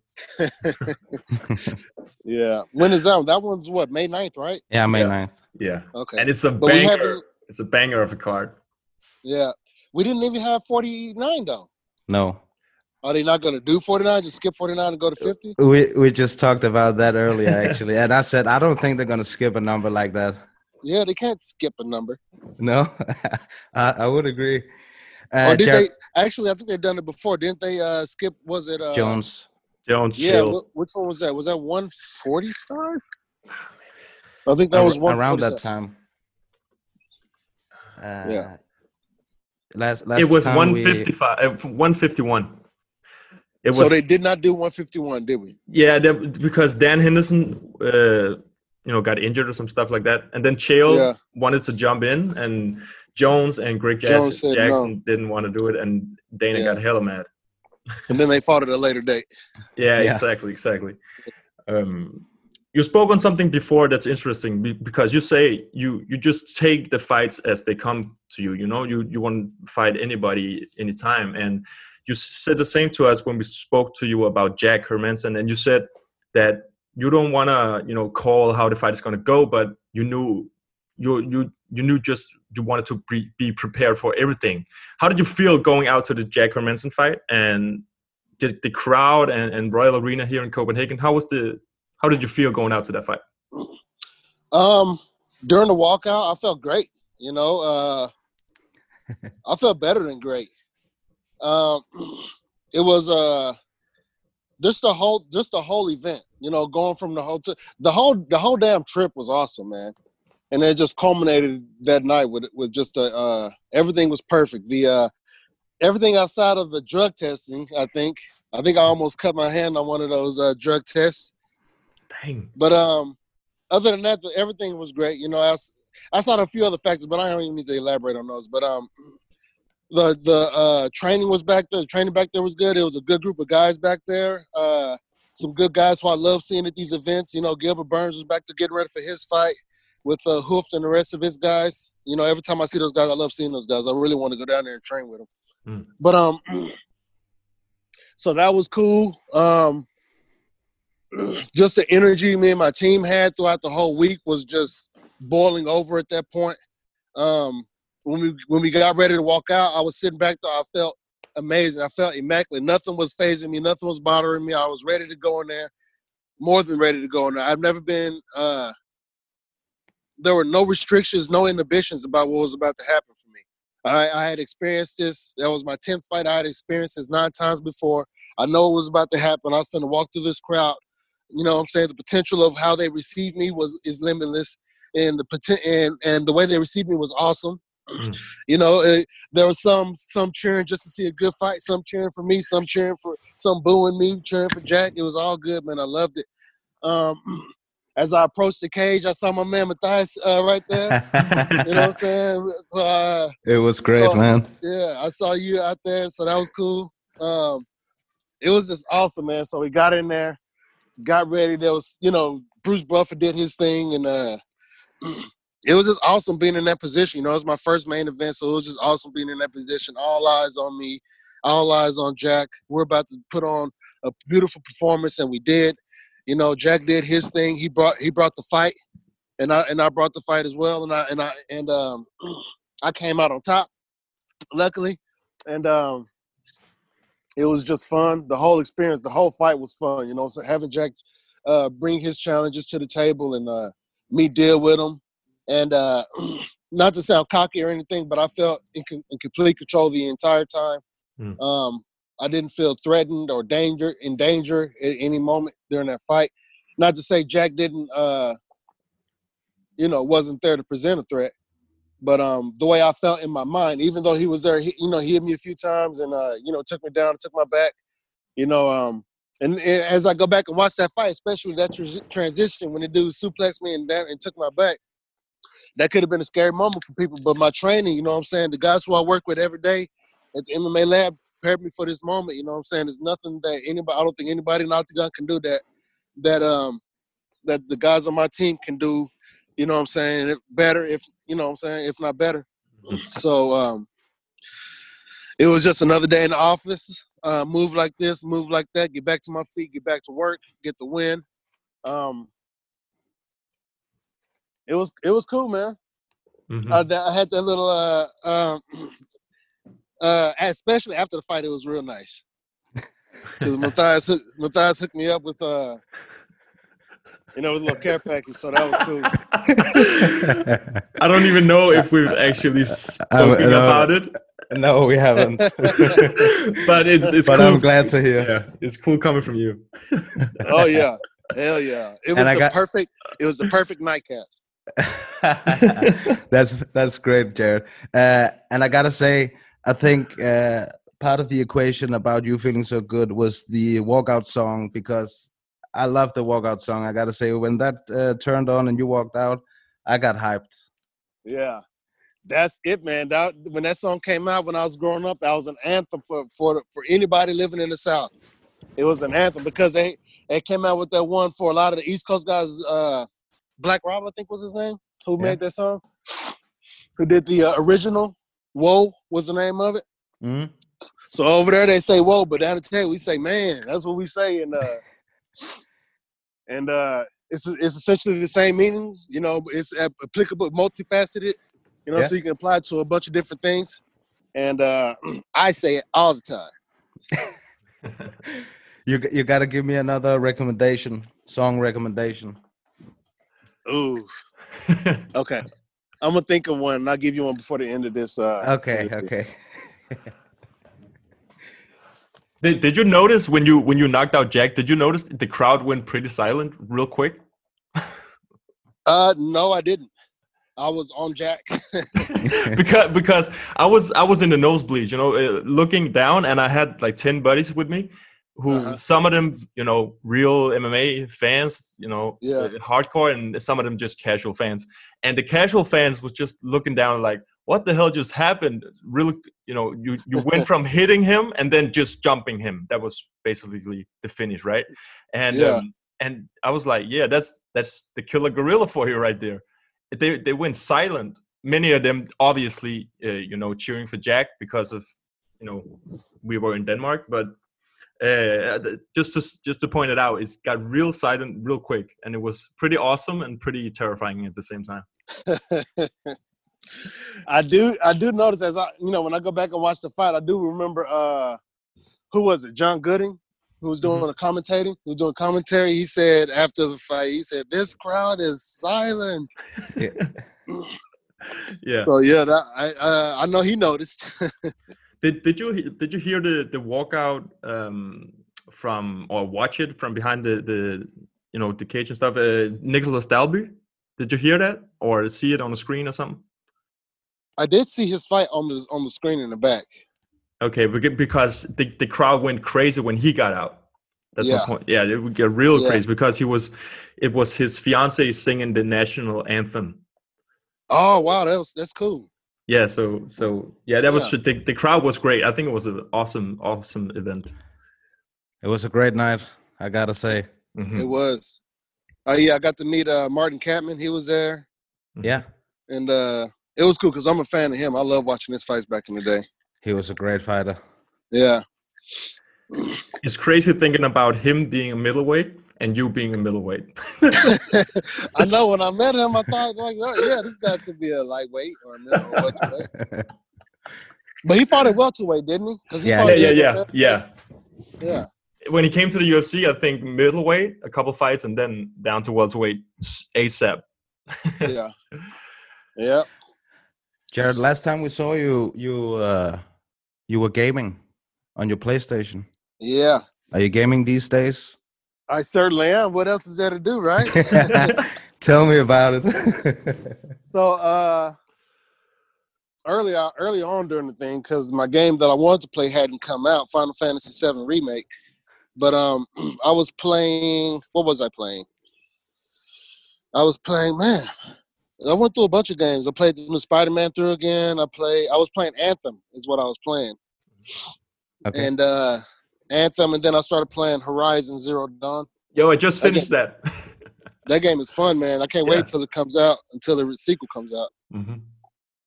So and then Final Fantasy remake comes out, came out. So uh that's the game right there that I'm putting. That's uh, locked into my PlayStation.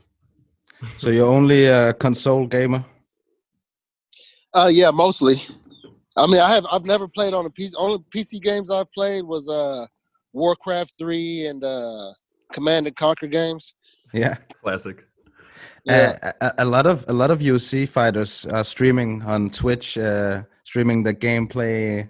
Maybe that could be something for you during these days. Yeah, I mean, I bought a computer that that that I could use for streaming because I did, I do want to stream. I would like to stream. Um, I'm just not computer savvy, and I, don't, I haven't uh, initiated the process of having somebody come over here and set my shit up. Like last but time. um, yeah, right now do that. I know I need to, but for me, it's one thing at a time. And for and for me, and for the last, you know, you know, for the last three four years, if if it's not fighting or family, I'm, you know, reading and and, and listening to uh to speakers and stuff.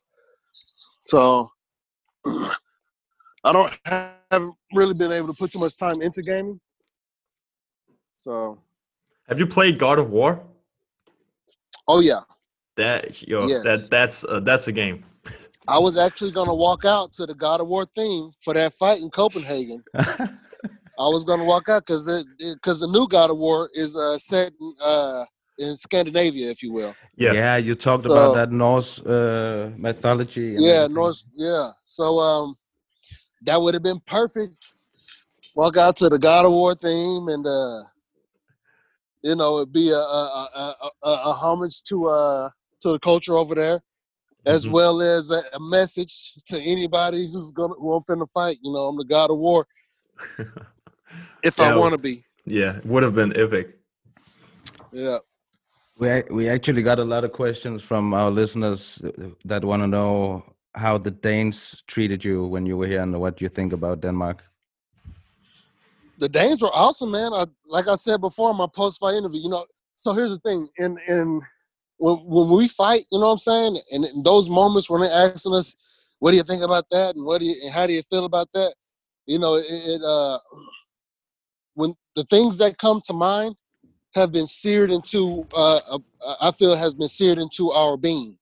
You know what I'm saying? Seared into our memory, something that we remember about this moment, something that we're going to correlate to all the grand things happening now. And uh, again, my experiences there in Copenhagen, the the the uh, the just the way just the way it looked visually was definitely pleasing. The energy of the people there, the um, just everything about the place. There was a little corner store right next to the uh, hotel. I went to the corner store and uh, you know the type of foods that you guys had there was definitely uh, interesting to uh, to partake in, and uh, all the people was nice, man. Everybody was cool and respectful. Um, you know, Copenhagen Copenhagen was awesome, dude. I loved it. But like I was saying, yeah, yeah, like I was saying, you know, when people uh and and, in the in my post fight interview, I had, had spoken about, you know, the people of Copenhagen and uh how how much you know how much I enjoy being there. So um I say that to say that that that my experiences there are definitely seared into my memory. I will definitely remember this and tell it to my kids. And when the time comes, I do want to come back. So um, after this Corona thing blows over and my and my bank account blows up, I definitely want to bring myself as well as my family back there. Sounds good. We have we have a question from a former UFC fighter, currently current uh, uh, Cage Warriors champion, Matt Burnell. I don't know if you know uh, him. He's a featherweight. Yeah. Yeah. He he's he's asking about your favorite boxer of all time. Ooh, favorite boxer of all time. I wouldn't say that I have a favorite boxer of all time, but I will say uh, bo- boxers that have influenced me most, and you know, of course, Mike Tyson. So um, I can I can I can I, I, I you know I can definitely say Mike Tyson is my favorite fighter. I love watching him fight. I love the energy that he brings into his fights. Um, as far as fighting goes, um, I love to hear him talk about his mentality. You know what I'm saying? I love to see. I love, to be honest, I love Mike Tyson now more than I loved him when he was heavyweight champion of the world. And to see how this man has changed and morphed into the man he is now through the experiences that he's gone through is a beautiful thing to watch. Um, and uh, I would love to sit and pick his brain, not only about fighting, but about life and uh, just. I know he's got that podcast. Uh, Yeah. Uh, I man, Hot boxing. wanna- yeah, hot boxing.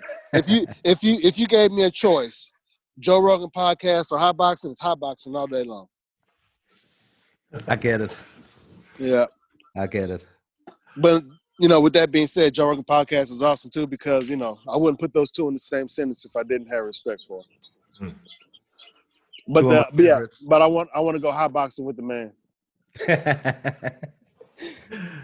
We have, an, we have another one uh, from Pierre Let. He's uh, he's asking about what what what's the main reason to go down weight classes uh, weight classes and what uh, was it your own or a team decision? It wasn't nobody's decision. It was purely coincidental. From from exercising, from training, you're gonna lose weight. You know what I'm saying? Trying to be a good fighter, you have to eat healthy. You know, so it's a part. It's just a part of uh biology, if you will. So it was just a, the it was my body was just responding to all the work I was putting. It wasn't a conscious decision to lose weight and get skinny so I can fight at a lower weight class. You know, um, so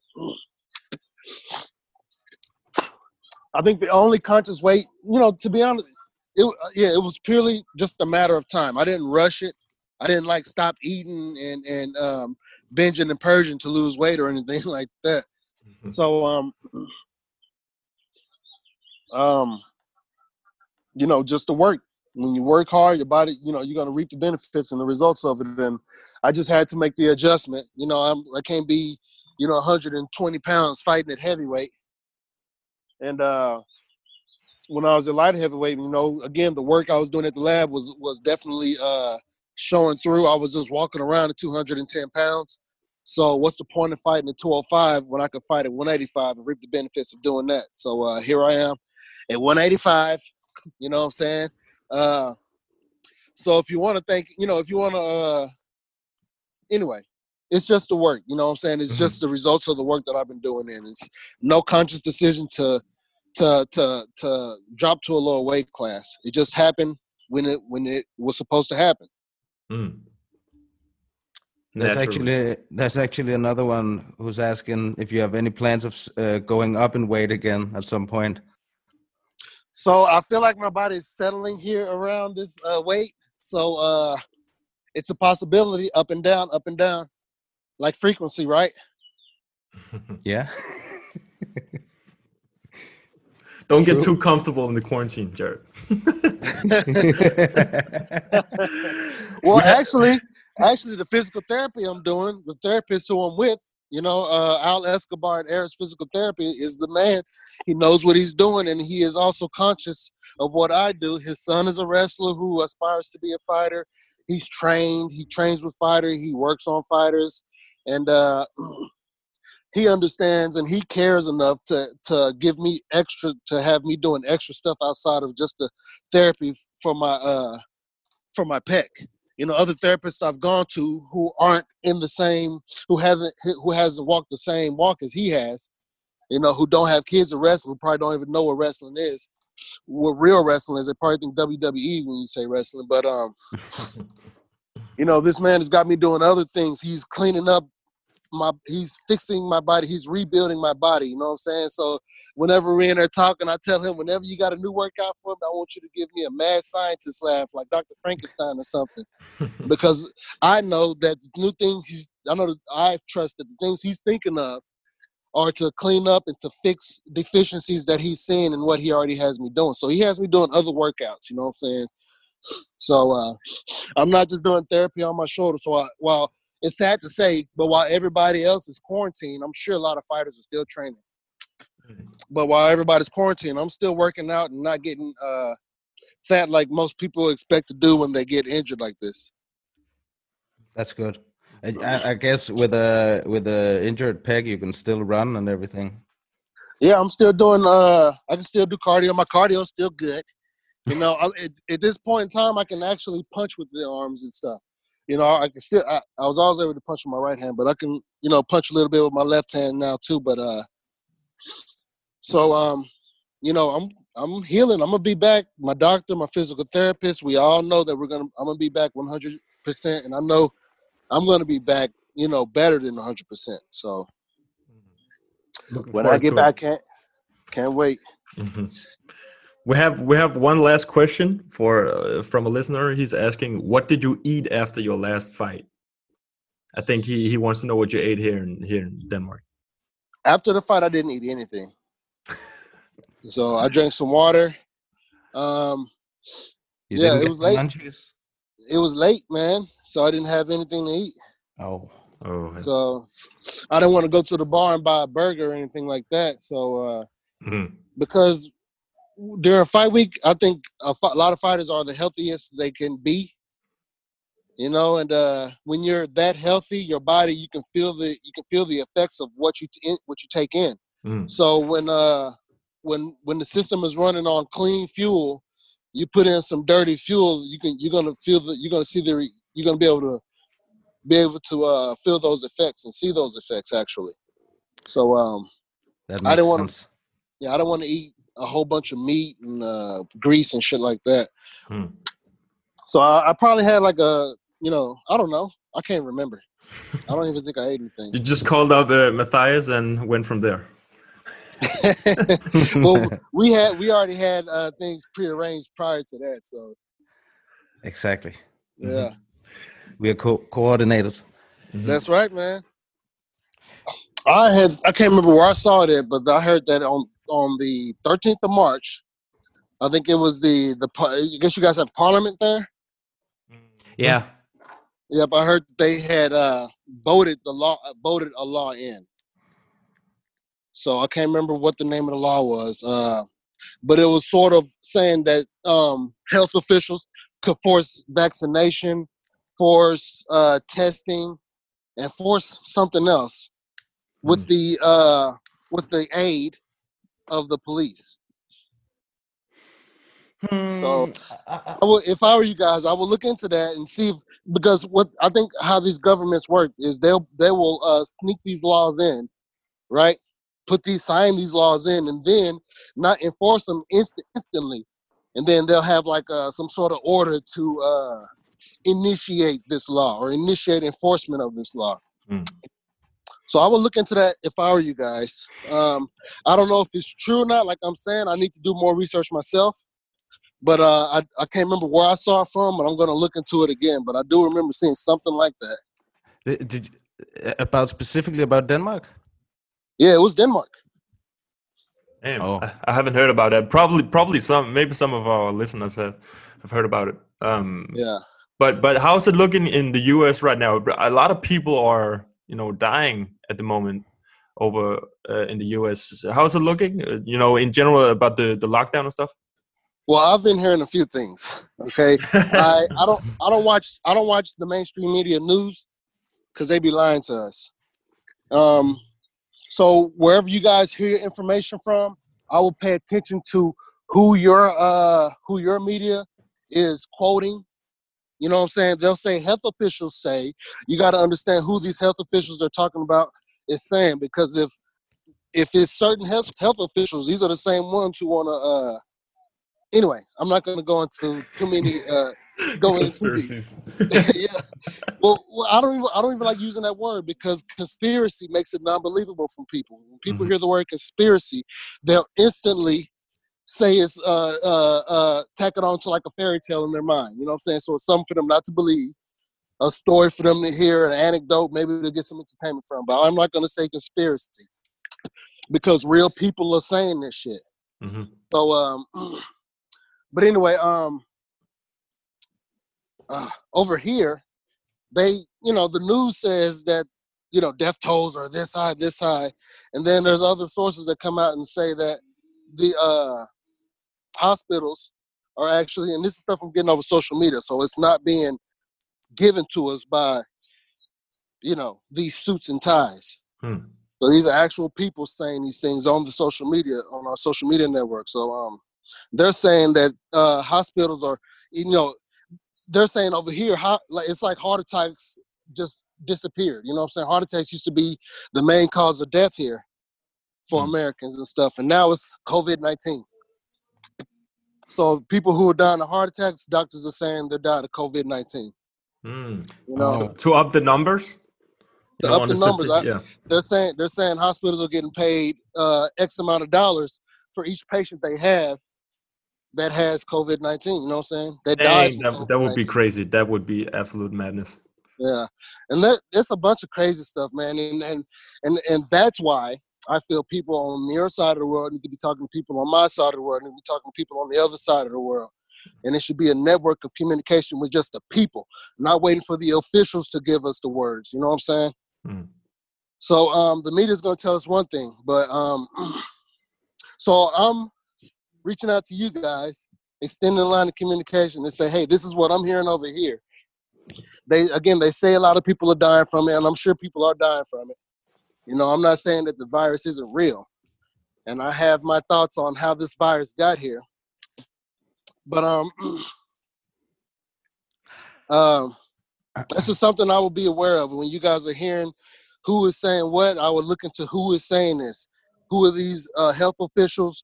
What media sources are they getting their media their information from? Because a lot of these media is over here, like these alphabet, you know, these three letter uh, media sources, CNN, NBC, Mm. uh, you know, Fox News, and all these other uh, media outlets. These people are, you know, they're not as trustworthy as once believed. So, um, You're right. It seems like oftentimes they have some kind of agenda instead of actually telling the truth. absolutely. Mm. So, you know, and, and, and even in them telling their agenda, they're essentially showing their hand. So, if you know how to hear it, know how to read it, and know how to see it, then you won't be, you know, taken by it too far, at least. Yeah, and also they are making it into a political thing, which is not.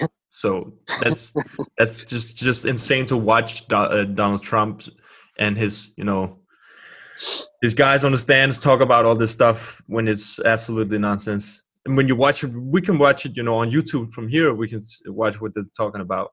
It's Mhm. it's not the same as here, you know. We we are a bit different from from the American people, I would say, over here. and Yeah, also, we've yeah. only had like 350 deaths in total. No, that's not a lot at all. That's not a lot. And we we and we started to open up on I think officially this weekend or Monday or something. Tomorrow, Monday. Yeah, tomorrow Uh-huh. we're gonna open up for you know uh, uh, salons and you know tattoo artists and stuff like that again. And Oh, nice. schools is already opened up, and uh, it's kind of I feel it kind of rushed it, but uh, it's it's kind of half and half. You know, my my look at it is like we could we could stay close uh, a bit longer, but the society has to move on as well. They Mhm. rush. They I rush think it at sure. yeah, I think at this point in time, we should be uh, prepared to deal with an influx of infections if it happens. Um, but um, again, you know, don't be taken by the media because they're uh, they're gonna make Donald Trump look like a uh, again they're gonna make him look incompetent in everything he's doing. But some of the things he's doing, I think, is gonna actually affect the whole world in a positive way. So um, That's yeah. good. That's great. It's it's a it's a weird time to be alive right now. Yeah. It is. It it really is. So Mm-hmm. um yeah it's interesting it's definitely crazy you know what i'm saying we hear about these sort of things in in movies and and hear about it sometimes in history but to actually be here during this sort of thing Mm-hmm. it's uh it's Interesting. It's Yes. interesting. Yeah, it's pretty interesting to watch, for sure. Yeah, Yeah. it is. But nice to just uh, we we knew that you wanted to do some research and, and talk to us about it, so I thought it would make sense to you know get it on the podcast as well. So um, nice yeah, yeah, yeah. So now we have a have a little fun talk as well with you. That's that's cool. That's cool. I think our listeners will appreciate some you know uh, other stuff once in a while than just MMA talk. Yeah, I think Yeah. you gained some Danish fans last time from uh, people listening to our podcast Yeah. podcast. They they say you you seem like a cool guy. Yeah. well, actually, dur- during you know after you know my time there, throughout you know from then to now, I've actually had a few people come to my Instagram and and throw up that Danish flag and say we're behind you. And uh, I just watched your fight with Jack, and it was amazing. And you know, people are still you know getting good vibes That's from good. uh That's getting, awesome. you know catching the good vibes. So it's all good, man. Nothing but good vibes. Perfect. Do you have one favorite MMA fight of all time that people could go back and watch now that they are, you know, missing MMA a lot? Uh, hmm. all of my fights. That's a good answer. all of them. The ones I won, the ones I lost, at least the ones in the UFC. if you want to see a fat Jared, if you want to see me, you know, fat Jared roly poly around the uh, octagon in Alaska, you can watch those too on on UFC Fight Pass. so, uh, Yeah, that, for that's me- a good. yeah, for me, I like I like watching all fights. So, uh, it, it depends on you know. For me, I watch that as a learning experience, not to be entertained. So every fight that I watch is for me to learn from, not to be entertained. So I haven't really, I don't remember too many fights that entertain me. And the ones that I learn most from are the ones that I've already on, on my own fights. So go watch my fights. That's a good answer. You heard it here. Go watch his fights. There you go. Perfect, perfect ending, Jared. Once Yeah, again, yeah. thank you, thank you so much for joining us. Thanks again, guys. Have a good one, man. Have a good one. We'll, we'll talk sir. to you later. yeah, hey, and I'm gonna be in touch with you guys too during this whole Yes, thing. as please well. do. Yeah. Please do. All right. All right, y'all have a good one. Have a good evening. man. You too, Jared. I eat 9 o'clock in the morning, 10 o'clock in the morning. Then after training, I eat immediately. Then I go home, sleep. But before I sleep, I eat. Then when I wake up, I eat. Then I eat again after training, number six. Then I go home, I eat big. And then I eat again before I go to bed, number eight. Det var Jared. Det var Jared. but For jer, der sidder og lytter, hvis den lige cuttede, inden vi begyndte at snakke om corona, så var det fordi, at øh, den her Zoom-app, den cutter efter 40 minutter, så vi blev nødt til at starte en ny recording. Og, og Jared, han lavede lige under, eller han havde skrevet til Mathias, at han undersøgt. Hvad var det, han havde skrevet? Research. Han, ja, han lavede bare noget research omkring corona, så ville han bare høre, hvordan det ligesom gik herover. Det synes jeg var meget hyggeligt. Ja, det er sgu meget sjovt. Øhm, ja, det var derfor, jeg tænkte, det kunne vi lige tage med os. Ja. Puh, her vi har snakket længe, mand. Ja. I alt, I alt nu. Men inden vi er færdige, så skal jeg lige komme med mine fem kampe hurtigt her. Ja, ja, ja, ja, det skal du. Skal jeg bare begynde her, så vi kan... Fyr den af. Så vi kan nå til vejs ende her. Jo. Okay, det, i dag er det jo fem forgotten fights fra welterweight-divisionen. Og den første, jeg har valgt, den har et dansk islet. Det er Martin Kampmann mod Carlos Condit Ui. ved UFC Fight Night 18 i april 2009. Uh, altså, jeg vil ikke afsløre, hvad der sker, men uh, det er en det er en rigtig fed kamp med to fede kæmper, der begge to er pisse dygtige stående, og dygtige på gulvet. De er dygtige overalt, ikke? Uh, og så er det jo bare lidt, uh, gør det det altid lidt bedre, når der er en dansker involveret. Ja. Uh, man kan ikke sige andet end Martin Kampmann, han var bare op imod nogle stykke modstandere igennem hans. UFC-karriere. Det var han. Og han gjorde det fandme godt. Han gjorde det pisse godt. Og den her, det er min nummer to. Det er Matt Brown mod Eric Silva ved UFC. Classic! Den er helt glemt. Øh, UFC Fight Night 40 i maj 2014. Det, er- prøv at høre, der er, altså, der er ikke andet for end bare at sige, hvis du vil se en fed kamp, så gå ind og se den der. Den, den blev i 2014, i, fjor- i, jeg prøver lige igen, i 2014, Ja. der blev den øh, valgt til den anden bedste kamp det år, lige bag øh, Johnny Hendricks og Robbie Lawlers krig. Hvis man husker den. Ja, ja, det var også en banger. Uh, Matt Brown er også bare en fed kæmper, ikke? Og Erik Silva. Det er begge to sådan nogle, uh, der går ud på deres skjold. Ja. Kan du huske, hvad, hvad var det nu? Uh, ham, de, ham, Eric Silvers translator, det er ham der, Ismail, uh, Ja, Walid den Ismail. der. Ja. Fuck, man. Gå ind og hør, apropos Eric Silver, ikke? så gå ind på YouTube og søg på Walid Ismail, og så et eller andet med Eric Silver, fordi det er de der post- og pre-fight interviews med ham. Han er så fucking sjov. Man. Han har det for vildt, ham der. Der var han, der var han i hans prime som uh, translator. den fight, den skal jeg ind og se, det er helt sikkert. Den havde jeg helt glemt. Ja, men det er derfor, det er Forgotten Fights. Ja, lige præcis. Nå, her der er nummer tre. Chris Lytle mod Dan Hardy. Mathias, den er, UFC. den er også på min. Hvis jeg havde lavet en, så var, ville den også være på min. Den er for sindssygt. Ja. UFC on versus 5, august 2011. Uh, som jeg husker det, Chris Lytle var vist brandmand, og uh, det var i hvert fald tydeligt, at han ikke var bange for en firefight i den kamp her mod, uh, mod Dan Hardy.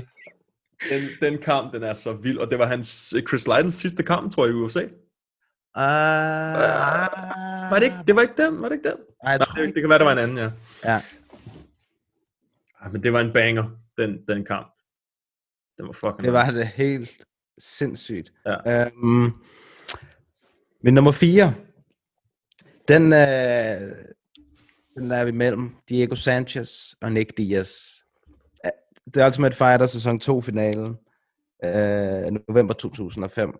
Den her kamp, den, hvis man har fulgt lidt med her de sidste uger, så blev den også nævnt i den der liste, som Michael Chiesa han lavede, øh, som jeg delte for, eller vi delte her for et par uger siden. Mm.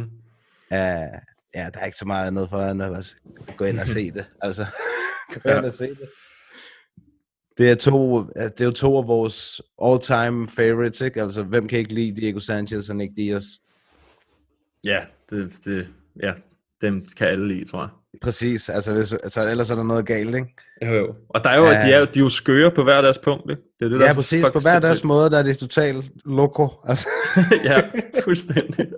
Diego Sanchez bliver bare mere og mere loco, hver gang vi ja, det, det, går fuldt ned ad bakke for Diego. Ham og hans træner og Walid Ismail, de skal, de, de skal i fight. De skal arbejde sammen. Ja, de skal, de skal prøve, det kunne være sjovt at høre dem have en samtale.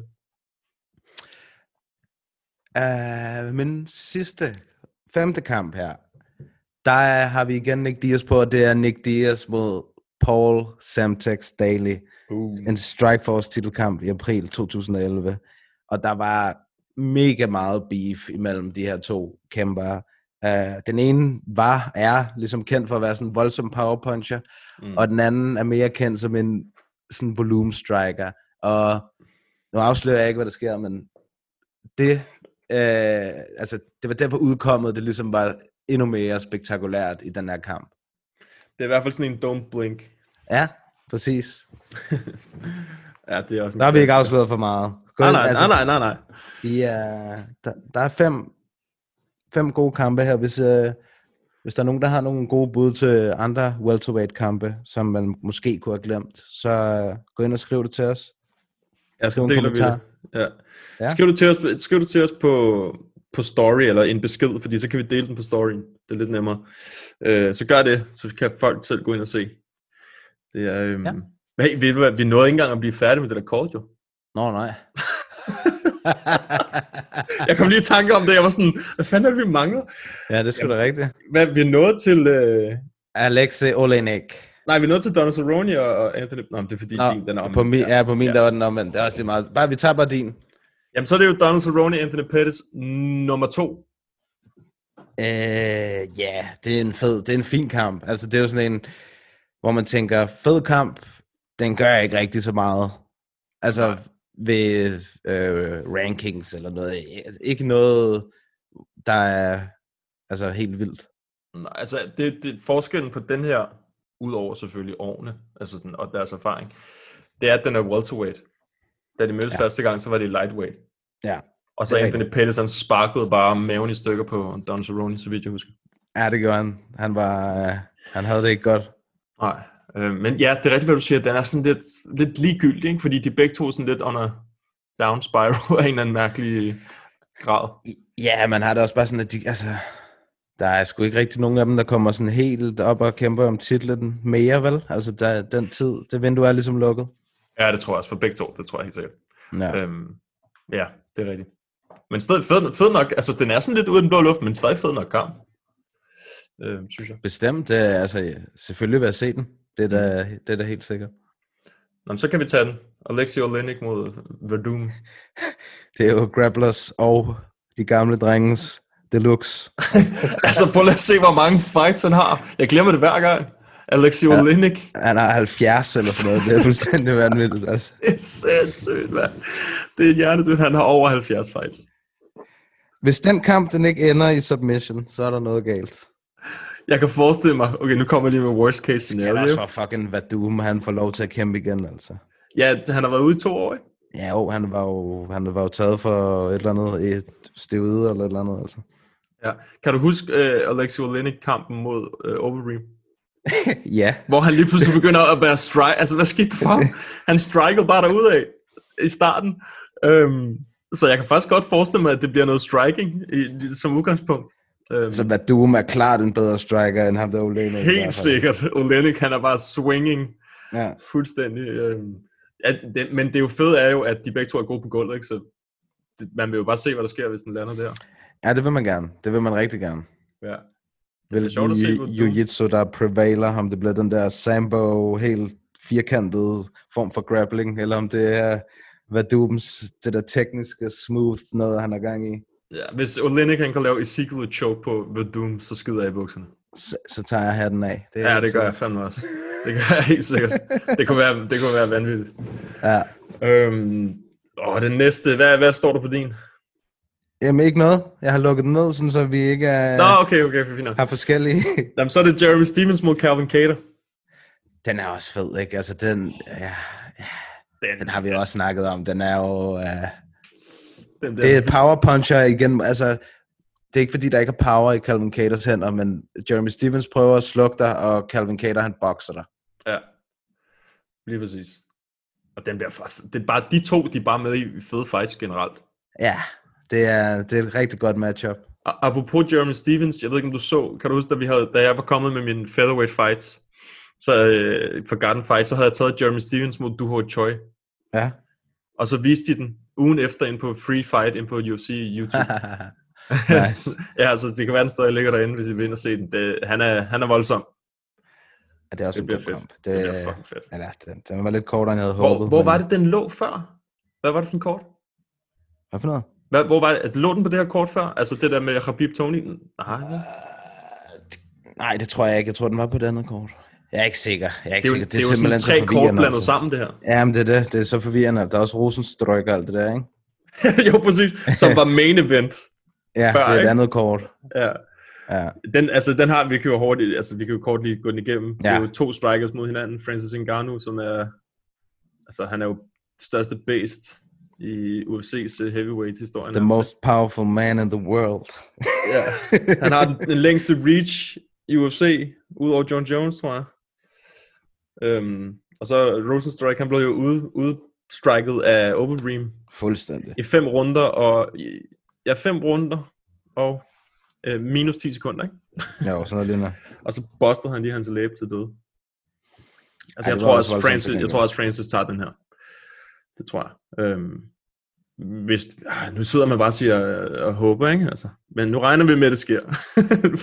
Ja. vi, hæpper, vi hæpper på dem. Øhm, jamen, så er der jo en title fight, den første ud af tre.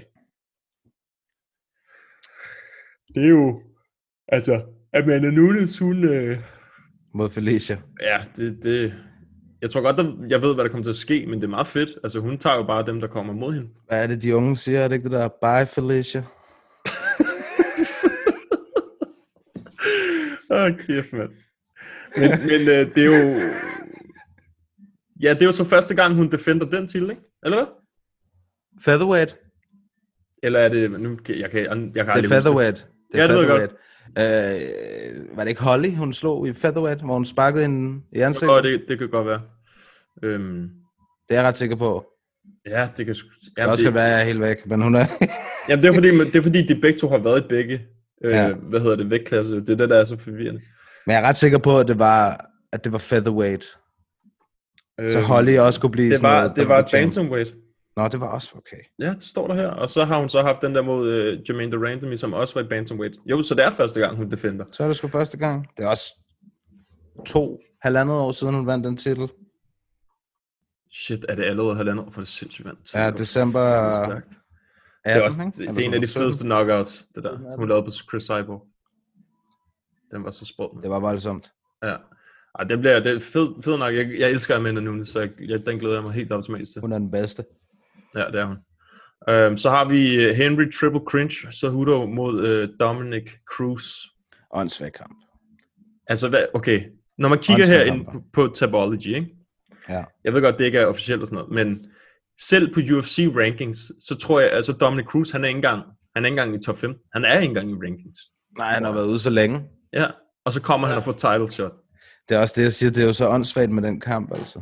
Hvorfor, hvad, hvad med Aljo? Hvad med Corey Sandhagen? Hvad med Piotr? Det kan godt være, at Piotr Jan ikke kan rejse ind, men altså, så må nogle af de andre skulle da, altså.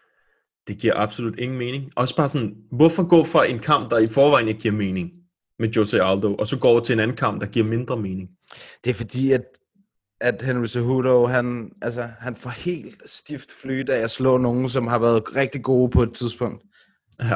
Han synes det, åh, Demetrius Johnson, mm, siger han der, åh, det kan han godt lide. Og så, åh, TJ, mm, kan han også godt lide. Han vil bare have alle de der navne, som er store, altså i stedet for at tage de der reelle titeludfordrere. Ja, det er... Marlon Moraes var legit as fuck, det vil jeg sige. Og det var TJ i princippet også.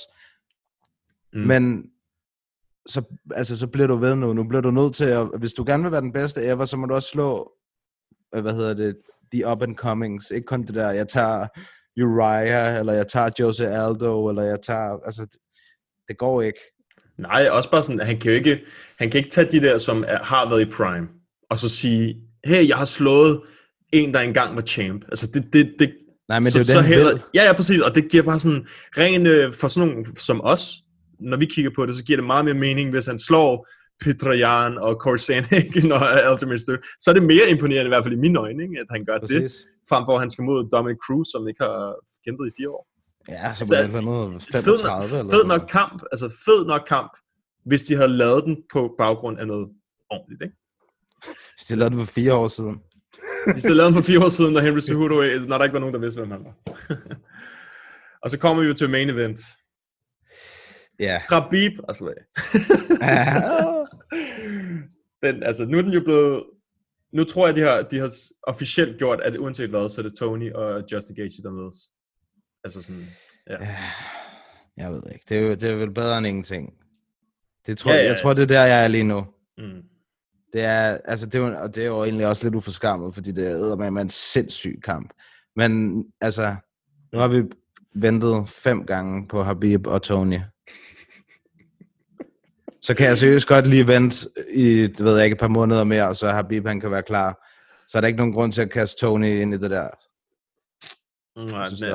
Ja, ja, ja, altså jeg glæder mig til at se den. Jeg, vil, jo- ja, altså, jeg kan jo se de to kæmpe mod luft, og så tror jeg, det er spændende at kigge på. Ikke? De, er jo, de er jo sindssyge, de to, når de kæmper. Og de to mod hinanden, vi snakker også om det sidst, det bliver, en, det bliver bare en... Altså, der er nogen, der kommer til at tage skade, og i mine øjne, så tror jeg, det kommer til at være begge to. ja, det er rigtig god sandsynlighed for. ja.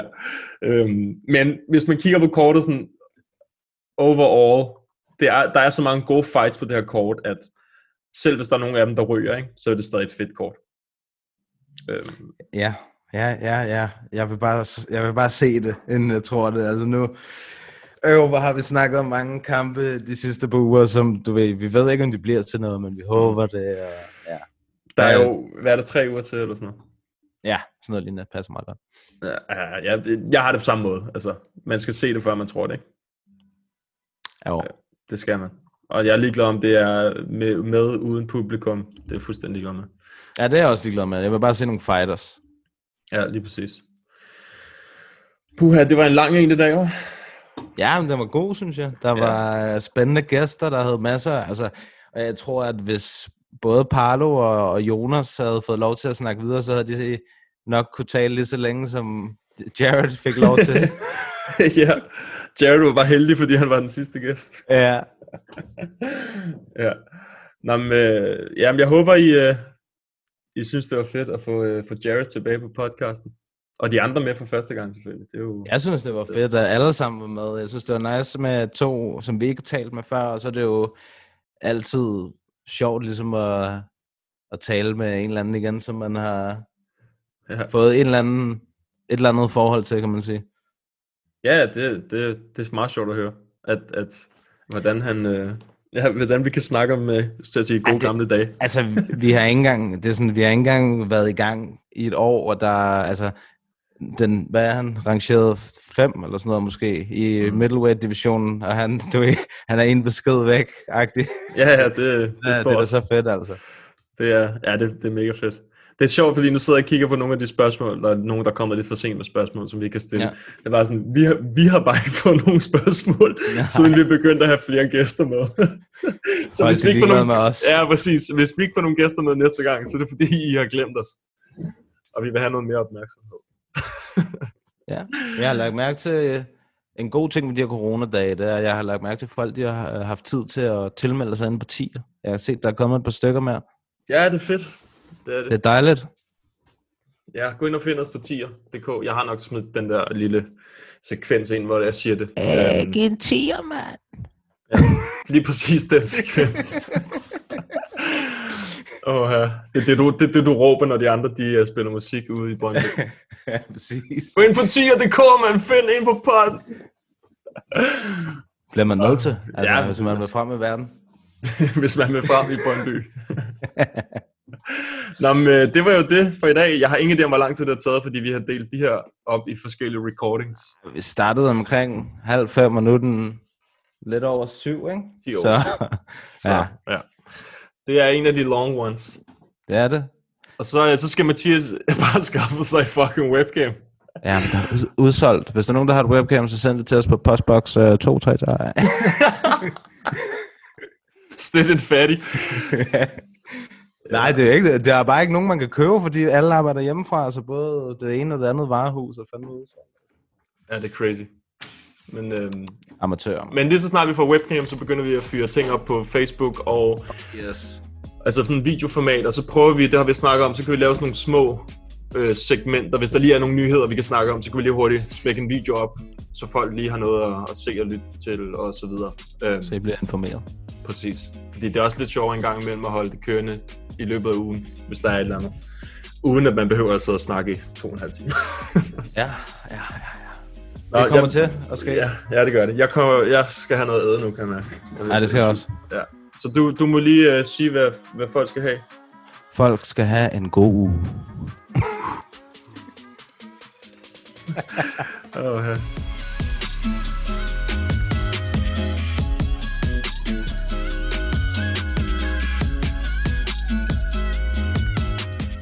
What's up, y'all? Jared Killer right here. Thank you for listening to MMA Media Podcast in Papadon.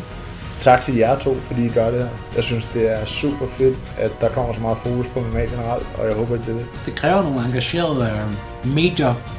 Det kræver også noget, som I gør. Så, så super mange tak for det.